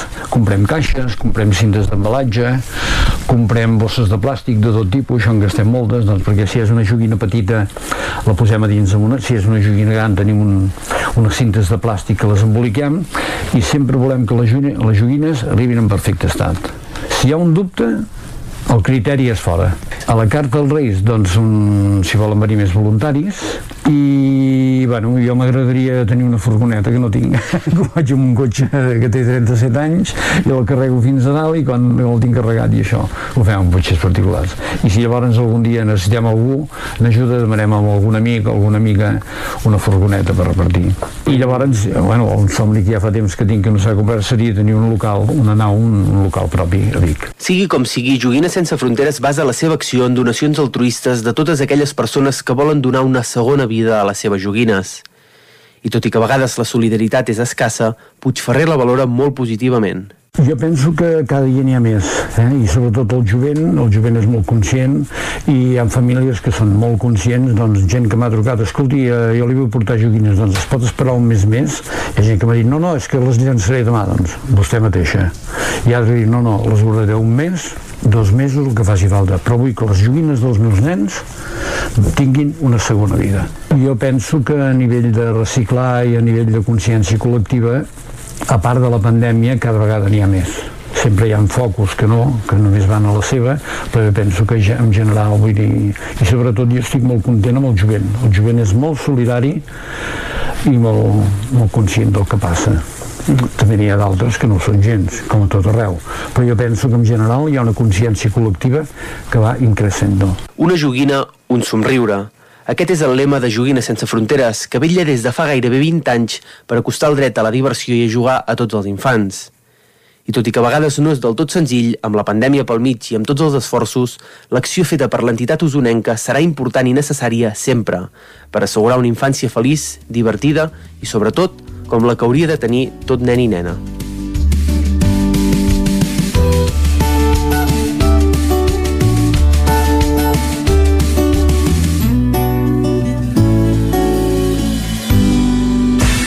El nou FM, la ràdio de casa, al 92.8. Cada joia és un art. Joier J. Garcia, taller propi de joieria i rellotgeria. Joies úniques, peces artesanals, dissenys exclusius i personalitzats, rellotges, anells, braçalets i molt més. Joier J. Garcia, ens trobaràs a la Rambla de Vallada 6 i a la carretera de la Guixa 10 de Vic i a Tona, al carrer Barcelona número 17. També a Instagram i a jgarciajoyer.com. A Aquari Jordi hi trobaràs periquitos, canaris i tot tipus d'ocells, conills, hàmster, ratolins, rates índies, peixos tropicals i molt més. Aquaris, tortugues, joguines i tots els complements i menjars per tot tipus d'animals. Vine a informar-te de totes les nostres ofertes. Aquari Jordi som al carrer Nou número 34 de Vic i també a Instagram. Rètols 2Art. Experts en comunicació visual. Rètols, banderoles, vinils, impressió, plaques gravades, senyalització, display... Rètols 2Art. Ja són 25 anys al vostre servei. Ens trobareu a la carretera de Vic a Olot, número 7, al polígon Malloles de Vic. dosartvic.com Telèfon 93 889 2588. Mudances a la carta. Som especialistes en muntatge i desmuntatge de mobles. Oferim servei de guardamobles i fem mudances a tot el territori. Trasllats de pianos i peces delicades i també fem embalatge i protegim. Mudances a la carta. Serveis adaptats a cada client. Ens trobaràs al telèfon 605 04 34 75. Fa més d'un any que hem de fer gestos difícils per aturar la pandèmia. Ara per fi ha arribat el moment de fer el gest que estàvem esperant, vacunar-nos contra la Covid-19. Avancem amb la vacunació esglaonada per franges d'edat. Dona't d'alta a la meva salut i actualitza el número de telèfon mòbil per assegurar-te que t'avisem quan arribi el teu torn. Recorda, lamevasalut.gencat.cat Salut, cuidem el que som. Catalunya 2030, Generalitat de Catalunya. La Cakery. Pastissos personalitzats, galetes, cookies, brownies i molt més.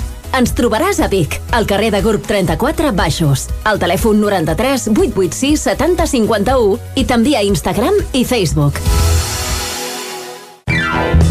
Xalant Moda i Complements. Nova temporada primavera-estiu. Moda home-dona, nen-nena, sabates, bosses de mà, maletes, complements i molt més. Vine a veure, ens trobaràs una secció d'ofertes amb roba de la temporada passada a 10 euros i 19 euros. Vine a Can Xalant, ens trobaràs al carrer Sant Tomàs número 6 de Call d'Atenes. També a Instagram i Facebook.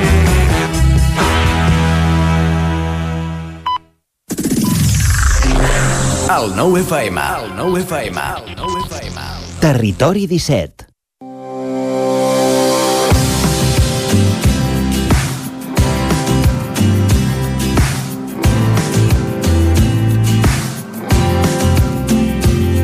Olost és al sud de l'altiplà del Lluçanès, en una petita vall solcada per la riera d'Olost a 580 metres d'altitud. La riera de la Gavarresa i la riera del Lluçanès, un dels seus afluents, travessen paral·lels de nord a sud del poble per la banda occidental. Santa Creu és un nucli adherit a Olost, que es troba a 606 metres, a l'altra banda de la Gavarresa. El terreny és força accidentat, amb la vegetació pròpia de muntanya mitjana.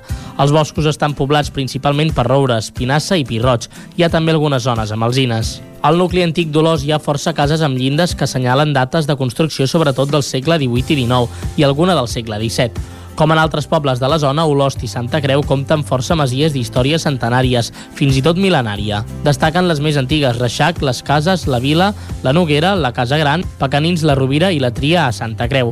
La casa del sanatori Avui un Mas va ser un sanatori construït el 1911. Es va instal·lar per malalts de tuberculosi, un dels primers de Catalunya. El Mas Juglar porta el nom del poble de Santa Creu. La Casa Gran és una de les masies més antigues del Lluçanès i s'hi reunien el Consell i els jurats fins al segle XVIII. El castell d'Olost està situat en una fondalada, per tant en una situació poc estratègica, al costat de la riera d'Olost. Està documentat des del segle XI. Comença sent només una torre de vigilància de planta rectangular. Més endavant va esdevenir un castell pròpiament. Durant la Guerra dels Remenses, al segle XV, va ser cremat i gairebé destruït. Poc després va ser construït. Durant una època el castell va funcionar com a hostal. De l'edifici antic se'n conserva actualment la torre, de l'edifici antic se'n conserva actualment la torre, la capella gòtica. Cal apuntar, però, que el castell d'Olors pertany al terme municipal d'Oristà. El pantà de Reixac, construït el 1945, té més d'un quilòmetre i mig de longitud i rep l'aigua de la Gavarresa. És valorat per la bellesa del paisatge que l'envolta i la diversitat d'espècies animals que hi habiten. Tot i així, la seva importància rau també en la seva utilitat. Tota la població en consumeix l'aigua. Fins als anys 70 va servir fins i tot per donar electricitat a part del Lluçanès.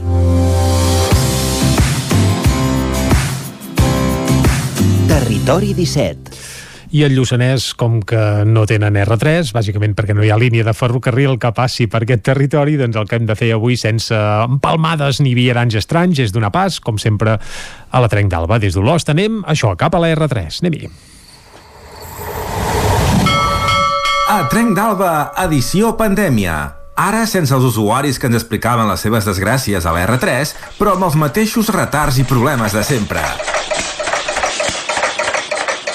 Benvinguts a Tren d'Alba. Des d'ahir, després de 10 mesos de treballs, la circulació pel túnel de Toses torna a estar restablerta. Ja era hora, carai, però no tot pot ser bo, ja que la plataforma perquè no ens fotin el tren s'ha queixat a través de Twitter d'un anunci que ha fet Renfe sobre la seva última campanya, que es titula Juego de Trenes, en referència a la famosa sèrie Joc de Trons. En aquest vídeo de 25 segons s'hi poden veure imatges de trens circulants per paratges nevats amb la climatologia adversa. A veure, estaria bé si no fos perquè hi ha trens que no són de Renfe. De fet, el col·lectiu es queixava que haurien pogut filmar la R3 travessant els Pirineus, que així podrien ensenyar com es travessa el túnel de Toses. Però no, són imatges dels Alps, senyores i senyors. Dels Alps, segurament dels francesos. Quina errada tan flagrant que han comès els publicistes i la pròpia Renfe. Si no posen imatges dels trens d'aquí, és que potser no els interessa ensenyar en quines condicions tenen les infraestructures als convois? Ja ho veieu que no deixen de sorprendre's. Bé, almenys ja es pot viatjar de Ripoll a Puigcerdà sense haver de baixar a Ribes de Freser per agafar l'autobús, que això ja és un punt positiu. Això sí, els primers dies el tren anirà més lent per seguretat i per comprovar que tot estigui correcte. Va, ens retrobem demà amb més històries del tren i de la R3.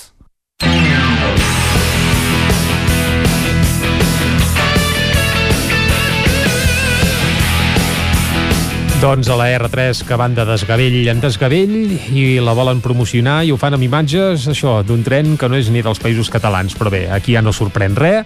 On sí que hi ha sorpreses és, per exemple, la Lliga de Futbol. En parlarem de seguida a la tertúlia esportiva, que engeguem de seguida quan passen 4 minuts i mig de dos quarts de 12 aquí a Territori 17 i, com sempre, la tertúlia la farem acompanyats d'en Lluís de Planell, d'en Guillem Freixa i de l'Isaac Muntades. I avui volem començar doncs, felicitant en Lluís de Planell, Perico, perquè aquest cap de setmana s'ha confirmat que l'any vinent l'Espanyol tornarà a ser equip de primera divisió. Lluís, molt bon dia i moltes bon dia. felicitats. Moltes gràcies. Deu mesos després recupereu eh, això, la categoria que mereixeu, perquè ens hem d'enganyar, eh? Home, amb 121 anys, uh -huh. estar 5 a, a segona, eh, diguem que dona un cert crèdit d'aquests eh, ets equips de primera divisió. Per cert, sempre que heu baixat, en un any torneu a pujar, eh? Exactament. Això l'Espanyol ho ha tingut sempre. Quan hi ha hagut un sotrac, de seguida us n'heu recuperat. Sí, sí, i a més aquest any era especialment important, entre altres coses perquè econòmicament no pateixes o no pateixes tant com, com ho faries. Els jugadors, evidentment, van haver d'acceptar una rebaixa en les fitxes i en els sous perquè la, la situació era diferent i diguem que econòmicament eh, des d'aquest punt de vista el, tot el que ha passat ha afavorit diguem el, el, l'entorn i les circumstàncies han, han afavorit el, el fet de que l'equip baixés en, aquesta, en aquesta uh, situació i llavors vull dir que em penso que jo ja ho vaig dir el seu dia que quan, quan pugéssim, que jo veia bastant clar que quan pugéssim doncs... A més, eh... fins i tot vas dir que seria la Romareda, eh? Vas augurar que... Exacte, exacte. Sí, sí, vas, vas encertar-la de ple en aquest sentit. Sí, sí. Eh, el i llavors vull dir, mm, ja sabia que pujaríem i era la normalitat perquè si no ens hauríem complicat molt la, molt la, la vida. A més teníem una plantilla de primera divisió està, està claríssim. Una plantilla de primera divisió que és incomprensible que estigués tan malament com va estar a la temporada que va baixar tot i que els reforços bons van arribar al mercat d'hivern que mm, sol ser una mica massa tard quan vas a la desesperada això per un cantó i per l'altre doncs el fet de que el, Eh, tens el, el porter menys golejat, el, el, dels màxims golejadors, i ara, doncs, evidentment, has d'anar per, per quedar campió. Entre altres coses, perquè el, si puges a, a primera tens un afegit, un afegit de 3 milions d'euros, eh, si és com a segon, però si és com a primer són 3.400.000 euros. Mm -hmm. I llavors dir, aquí no es pot llançar res i llavors han d'anar mm -hmm. per, per ser campions, cosa que tampoc és, és tan eh, impossible perquè falten 4 partits i estem a 6 punts del, del segon, per tant eh, jo, jo dic que és, que és factible. Però eh, tot i amb això eh, hem, estem a la normalitat, estem on hem de ser i on no havíem de ser és on estàvem la temporada passada. I, i no sé si com a club, Lluís, tu que ho coneixes bé, jo és una sensació que tinc, una percepció, eh? no sé si, si com a club sortiu reforçats, en el sentit que eh, no, a l'Espanyol hi havia un propietari que feia relativament poc que s'havia sumat en el projecte, que tenia unes perspectives i una idea del futbol eh, europeu i d'estar al capdavant d'un club europeu i que amb la patacada més forta que pot tenir un club com és baixar segona s'ha mantingut fidel. Jo crec que això és important, no?, aquest fet, que, que un, un propietari extern, a més a més eh, xinès, no?, d'una realitat molt diferent eh, a la que pot tenir una persona que conegui el futbol d'aquí, tot i baixar s'ha mantingut fidel al projecte. No sé si això també reforça aquest... Sí, i no solament això, sinó que hi havia, van, van fer números, van dir que no, la cosa no rotllava i que s'havia de fer una aportació que va fer ell. Eh, aquests són uns diners que, en, en definitiva, tard o d'hora voldrà cobrar, però com que l'empresa seva, diguem, eh, llavors ja s'ho muntarà de, de la manera que, que faci falta. I llavors també s'ha donat la circumstància de que ell venia eh, al futbol, eh, en aquest cas eh, de l'Espanyol, eh, a, a la Xina, i ho feia a través de volei, que aquesta temporada ha tingut menys participació que mai. Vull dir que ha jugat poquíssim, eh, la Xina estan empipats... Amb, amb... En Grunes ha jugat, eh, l'Omei, sí, pràcticament no se l'ha vist. Estan, estan prenyats, però a base de bé, perquè, esclar, eh, a més, els, els partits ja no coincideixen amb els horaris que, uh -huh. que els hi van amb ells, perquè és, és per anar bé a les 12 del migdia, eh, no n'hi ha hagut cap en aquesta hora, perquè ara no s'hi juga en aquesta hora, i llavors, vull dir, hi ha, un, hi ha hagut una sèrie de circumstàncies que no sé què, què faran pensar en aquest senyor de, de respecte al, a, a, a les accions que té, que són el, el 90 i tants per cent de, de, de l'entitat. No no sé si, si això serà un replantejament, si eh, li haurà servit d'experiència o no sé, no sé què haurà passat. Però estem contents de ser on ens mhm. pertoca. Bé, hem volgut començar felicitant l'Espanyol, felicitant en Lluís, és una de les notícies del cap de setmana, però n'hi ha més. També hi ha uh, la de victòria no, eh? del Barça de a la Lliga, i ara parlo del Barça femení, i sí. volia parlar del Barça femení uh, perquè té, clar, és que la jugadora que va fer el gol que ha permès que aquest cap de setmana el Barça sigui campió de Lliga quan encara falta uf, un pilot de jornades, resulta que és, és del costat de casa nostra, falten 8 jornades per acabar, i el gol del 0 a 1 el va fer Bruna Vilamala, una jove de Borgunyà eh, que juga a futbol des que tenia 3 anys al camp de futbol de gespa natural doncs això, de Borgunyà i que ara s'està fent un lloc al primer equip del Barça que segurament és dels millors equips del món, perquè ja ho podem sí. dir sense, sense embuts, eh? I bé, quina lliga ha fet el Barça que no ha perdut ni un sol partit, però, però, això és però, gairebé inaudit. Però, no, no, jo el Barça, comento, Lluís... El Barça campió de Lliga. I tant. Però, -huh. perquè el Llevant no ha guanyat, Bueno, sí, que, que el Llevant va jugar contra nosaltres i van empatar un a un, Mhm. perquè si el Llevant guanya, el, el Barça encara no és campió. Bé, hagués, hagués la esperat una jornada part. més, sí, sí, Bueno, van, però- van estar allà pendents del vostre Però la resultat. nostra participació també és, és important. Oh, però és que si no haguéssiu baixat ja gairebé havíeu No, de sumar que- alguna cosa contra el Sí. Llevant. Us hi jugàveu la permanència, Em Lluís. temo, em temo que baixarem igual. I és possible, sí, sí. No, home, jo crec que el Barça femení és el que comentava en, en Jordi, eh? Uh, una temporada brutal a la Lliga. Òbviament, el pressupost de la plantilla respecte als altres equips doncs, és molt divers. Jo crec que és un equip pensat per anar a competir a Europa, aquest uh, Barça femení. I en el cas de la Bruna Vilamala, ostres, jo crec que uh, és de les jugadores més prometedores no? que hi ha en, aquest equip, ha anat guanyant protagonisme, uh -huh. ha anat tenint cada cop més minuts, minuts importants, el que dèiem, en una Va plantilla... marcar dos gols contra el Madrid, també. Sí, i en una plantilla plegada d'estrelles i una jugadora de la, de la part ofensiva, que sempre costa més doncs, fer-se uh, un forat, i jo crec que és, és, és important remarcar això, no? que una, una jugadora de, de Borgunyà doncs, està jugant amb, amb el millor equip del, del, del continent, o pràcticament del continent, ja la, la final de Champions la, la setmana que ve. Això si ho traslladéssim en, en el futbol femení, doncs estaríem parlant d'una jugadora eh, super mega professional, reconeguda absolutament a tots els racons de la ciutat i de la comarca. en el masculí, sí. Uh, seria totalment reconeguda per tothom a la comarca d'Osona i jo no sé si avui, per exemple, si sortim a, a Vic, a Torelló o, o a Manlleu uh, a demanar uh, si saben qui va marcar el gol que ha donat el títol de, de Lliga del, del Barça femení no sé si molta gent ho sabria o, o n'és conscient que tenim aquesta jugadora allà Bé, per tant, per això, per això nosaltres en parlem, Sí, sí, sí. perquè corri la veu i se sàpiga que una jugadora que, cal- que més exerceix, perquè a vegades hi ha gent que és, o fa veure que és d'aquí i, i no n'exerceix, no? La Bruna sí. sí, en aquest sentit. Per tant, doncs, eh, des d'aquí l'enhorabona a motiu. ella i a, i a tot l'equip, que és un motiu d'orgull. I si arriba, si va fent passos endavant i es consolida entre les millors, jo crec que també és maca aquesta història, no? Eh, Sorgida de Borgunyà, amb tota la història que té aquell terreny de, de joc i acabant jugant a, al primer nivell de, del futbol femení. Per De maneres, el Barça s'ha passat de frenada tots, perquè no ha perdut cap partit, els ha guanyat tots sí, bueno, és el que... I, i llavors va dir, ja ho sé que, que l'objectiu és Europa però Sí. és que a Europa hi ha dos o tres equips eh? no, no hi ha res més Bueno, quatre, no? Els quatre que han arribat a semifinals són els Recordem més... que la final de la Champions serà aquest, aquest proper cap de setmana, que es disputa a Suècia i que evidentment el Barça i la Bruna doncs, hi seran. Sí. No sé si la Bruna serà titular o no, això caldrà veure-ho.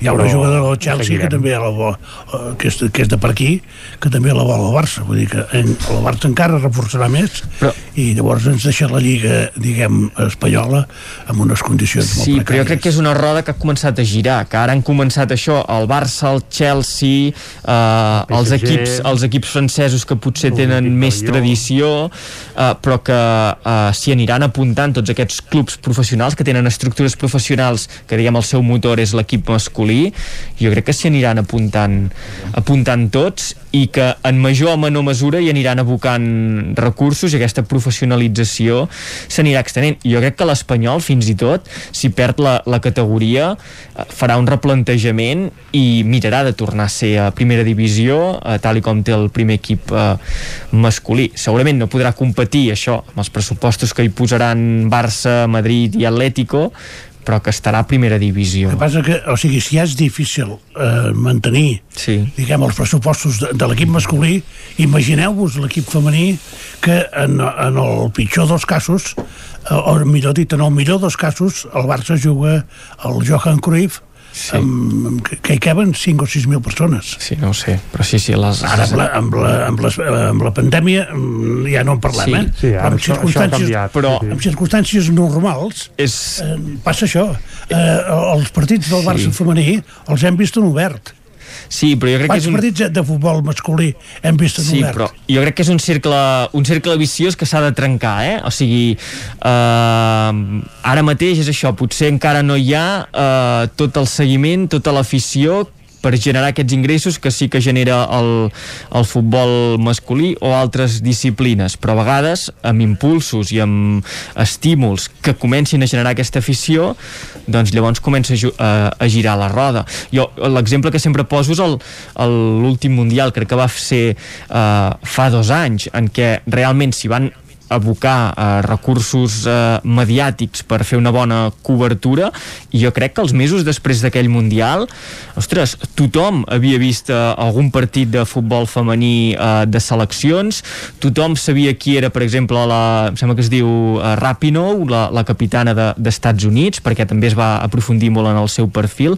Per tant, jo crec que és una roda que s'ha de posar en moviment i sí, ara no hi ha aquesta, potser aquesta afició, aquest seguiment com, el, com hi ha amb el masculí, però si es comencen a posar els recursos i els mitjans perquè la gent pugui accedir i pugui tenir aquest interès, doncs potser sí que s'anirà s'anirà fent. Però han de ser molts equips que ho facin, perquè si no, no tindrà... Sí, els mitjans de comunicació, eh, també, eh, no sé, avui al matí, per exemple, eh, el Televisió de Catalunya obria les rodes informatives, informatives amb, el, amb la Lliga del, del Barça. Sí, però si aquesta Lliga del Barça és del Sabadell, bueno. no sé si hauria passat el mateix. Segurament no tant, no tant. Sí, sí, el mateix passa amb l'hoquei. Amb l'hoquei és el mateix. Exacte. Per cert que sí. avui la premsa esportiva editada a Barcelona també obre amb futbol femení que això no havia passat pràcticament mai per tant, mica en mica, també de maneres, eh, si... el Barça, no? Eh, el Barça, sí, sí, és clar si el Barça sí, sí, no, que això és un mal d'una altra manera, eh, Bé. potser, eh? Sí, no, és, segurament és, és un no sé, un pòsit de, de, de país, de societat, que el Barça doncs, eh, està molt infiltrat. Tira, tira, el nom del Barça és evident que tira, i el que deies de l'hoquei patins, clar, si, la, sí. si el 90% d'equips de l'hoquei Lliga són catalans i mires la premsa esportiva i et diuen què ha fet el Barça, gairebé a vegades ratlla el ridícul, però, però és el que hi ha. I no. això sí que serà complicat de, de capgirar-ho, sí. potser, eh? I si l'àrbitre si, si l'àrbitre no pita el penal que va pitar l'àrea del Madrid i el pita a l'àrea del, del Sevilla... Espera, espera, ara, ara, ara hi anirem, ara hi anirem. Llavors ja hi som. Avui hem volgut començar parlant de l'Espanyol, Lluís, que, perquè bé, després bé, no, no ens diguis que... Després de 10 que mesos ja toca un dia. Sí. Hem parlat cada dia una mica, eh? Cada dilluns aquí hem tingut un foradet eh, per parlar de segona divisió. També hem volgut parlar de futbol femení i ara ho farem, acabarem, parlant de primera divisió. I l'Isaac Muntades, tertulià madridista, ens ha passat un tall de veu de Zidane no sé si ahir l'Isaac va ser a Madrid o no, però vaja, ens l'ha fet arribar i ha dit, uh, abans d'arrencar passeu-me passeu això i després la fem petar. Per tant, abans de dir res, escoltarem a l'entrenador del Real Madrid valorant una mica aquesta jugada polèmica a la qual farem referència de seguida, però primer de tot escoltem a Zinedine Zidane. ¿Qué le ha dicho eh, el árbitro a usted? No sé si le ha intentado explicar eso, si le han convencido las explicaciones no, y si usted entiende el criterio de las manos. ¿Usted no, entiende por... el criterio de cuándo es mano y cuándo no? No, pero por eso, para nada. No entiendo, no entiendo lo que... Si hay una mano, había mano de, de Militao, pero hay una mano de Sevilla. Y ya está. Entonces, al final... Eh, no, no me, está, no me ha convencido lo que me dijo, pero bueno, es, es lo que hay. No eh, pita él y es verdad que no nunca hablo de eso, pero al final, bueno, hoy estoy un poco, un poco enfadado, claro, porque, porque me tiene que explicar las reglas de las, de las manos. Si hay una mano de Militao, ok, pero hay mano también del Sevilla en el aire, entonces, bueno, ya está. Pero al final eh, es lo que hay. Eh, no, no vamos a cambiar nada.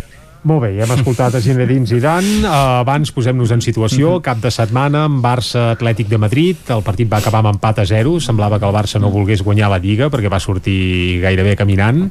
Uh, L'Atlètic de Madrid, bé, ho va intentar, però va ser incapaç de superar el Barça. I el Real Madrid, que hi hagués pogut donar un cop de puny sobre la taula, guanyar el Sevilla i a deixar el Sevilla sense opcions i a més posar-se ell al capdavant i tenir-ho tot de cara per guanyar la Lliga i resulta que també van acabar empatant una jugada que per alguns és polèmica, per d'altres no ho és gaire, perquè clar, si hi ha una mà és penal i si n'hi han dues, la primera és la que en teoria tocaria xiular, que és el que va acabar passant.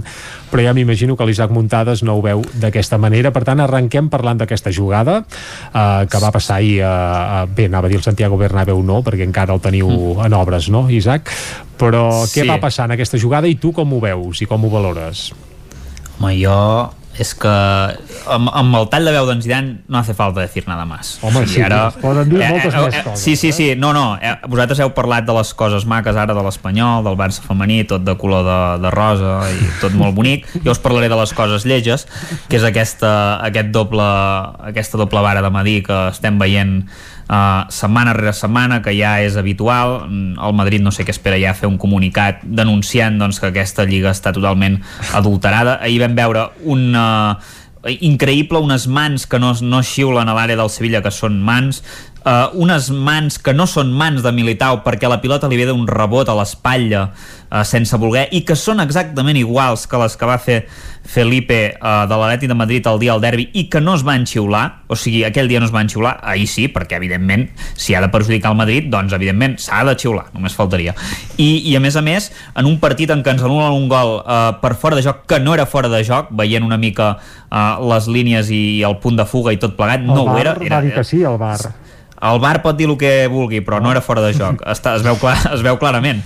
Un primer gol del Sevilla que ve d'una falta que no és, prèviament, uh, la jugada de, del, del penal, que ja del bar del penal a l'altre penal, que, que això ja és un escàndol majúscul. Uh, bé, uh, jo, clar, veient aquest partit, veient el partit del Betis, que no s'axiula una, mà, una mà clara d'Emerson, veient el partit del Getafe, que ens anulen un gol totalment legal de Mariano per, perquè no era fora de joc, veient el partit de l'Atlètic de Madrid, que hi ha aquesta mà que us comentava uh, de Felipe, veient el partit del Llevant, que hi ha un uh, penal que també uh, bastant uh, dubtós, uh, que, que, que, bé, que, que s'axiula i, i que una expulsió també molt d'hora de Militao bastant uh, rigorosa, veient el partit de l'Alavés, en què un jugador, Víctor Laguàrdia, quina agafa a Marcel... l'Isaac, Sí, eh? sí, sí, sí, no, no, anirem a tirar de, tirem a tirar a Maroteca, que li, que li estiven dels cabells en Marcelo eh, en un penal claríssim que no s'axiula. I els tres penals ja la guinda, això és la, la cirereta del pastís del dia del València, dels quals n'hi havia dos que no ho eren, doncs home, eh, és per estar empipat i realment això ja és escandalós. Aquesta lliga no la perd el Madrid. Els àrbits ens estan fent perdent. És el càstig de la Superliga, jo ja ho vaig dir, hi, havia, hi hauria un càstig. I en Tebas, doncs, que està al capdavant de tot això, aquell senyor que és uh, fanàtic de Fuerza Nueva, feixista i una persona realment despreciable que no només sap que uh, tirar merda, directament així ho dic de clar, contra el Madrid tot i que diu que és del Madrid, que això ja és... lo- Això t'ho és- és-. Sí, sí, que, del que això és surrealista, que això és surrealista, Home, no doncs gaire. a, so, a sobre tingui els, uh, bueno, Que, els, amb, que amb els nassos de dir... sigui del Madrid no és gaire surrealista, però vaja. No, no, no, de fet, de fet jo de fet, però jo crec que no és del Madrid aquest senyor, eh? vull dir, no ho és Eh, aquest senyor el que sobra d'aquí ha de marxar perquè això és, és intolerable. El Madrid en aquesta lliga li estan robant la lliga i es va veure clarament, ho sento eh, s'havia de fer aquest havia de dir-ho tot això perquè és que uh, és, és inacceptable perquè que Zidane, una persona que no hagi protestat mai dels àrbits, que tampoc ho acaba de fer eh, molt, però bueno, ja diu alguna cosa. Aixeca la veu. però al final del partit anés a buscar a l'àrbit juntament amb Kroos que precisament tampoc destaca per la seva expressivitat i les seves protestes als àrbits, doncs home, potser ja s'ha acabat i s'ha de dir prou. Això és un escàndol cada partit. Què, què en robaran el dia del Granada? Quants penals ens pitaran en contra? Això és el que vull saber jo. Jo, les mans Sí, sí, sí. aquelles, jo tam- tampoc interpreto que són penals. Eh? Veus? És que a més a més, gràcies Lluís. No, home, són unes mans dintre l'àrea. Són clar. Però, però és que n'hi ha de- d'altres de, de mans... Són clares, les mans no les té eh, enganxades al cos, no, això és cert. Però ve d'un rebot. Exactament. Sí, d'un però rebot. que el és que- reglament ho contempla, això del rebot, que encara que vingui d'un rebot, si tu no tens les mans, Però- però si que ocupes un espai més extens... S'ha de canviar el reglament. En aquest aspecte Ah, bueno, s'ha de sí, canviar clar. el reglament. Això és una altra història. Perquè no és... O sigui, Ja. que, que, ja ho sé que és penal.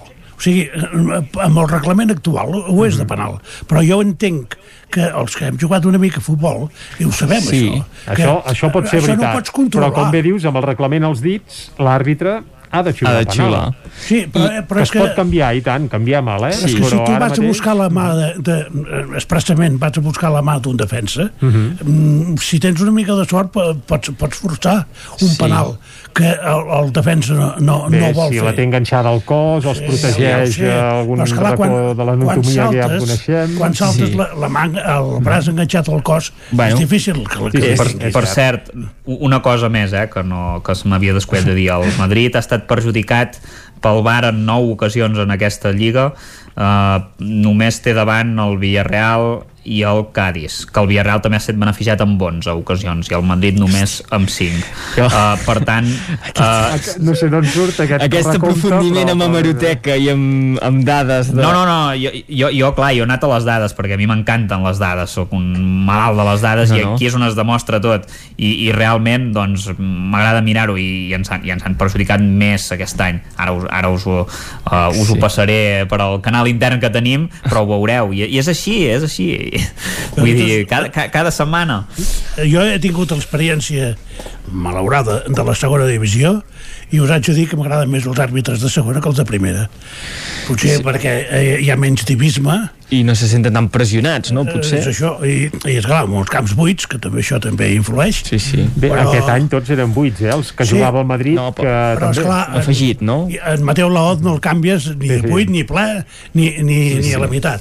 Mentre que el, el, els, altres, els de segona se, semblen bueno, per, persones, diguem, per entendre'ns, eh, més normals, sí. gent, gent que arbitra eh, partits de futbol, que s'equivoquen, eh, naturalment que s'equivoquen, però que bé, eh, no, no, no, no veus un, una prepotència com la que eh, té la majoria d'àrbitres de, de, De primera de primera divisió. divisió, que els han convertit en estrelles, ells s'ho han cregut, i llavors no sé què es pensen de que, que, que són més que, que ningú. què, què s'ha de fer per ser àrbit de primera divisió? Vull saber-ho perquè crec que No, no, anar pujant categories, començar a Ah, arbitrar, si- en cas de ser sí. català ho tindries una mica més complicat, perquè hauries de començar molt avall i anar pujant, eh, hauries Però podria xular al Madrid, no a primera divisió? Tu sí, sí.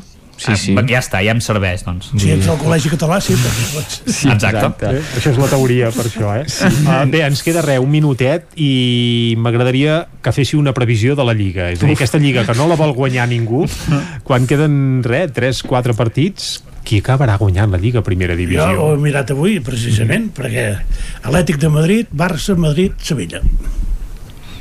Tu ja poses aquesta classificació, eh?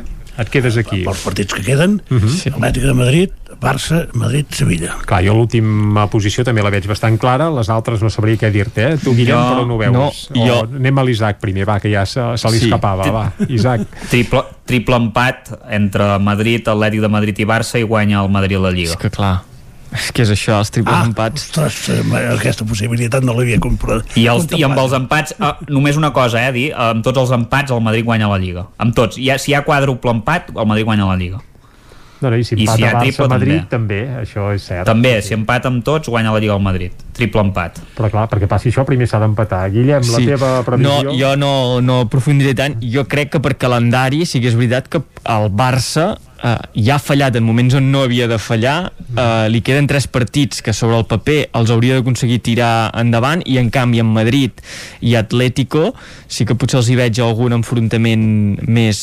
L'Atlètic més... té la Real Societat, eh? Sí, però el Real Societat eh, és un bon equip, és un molt bon, molt bon equip.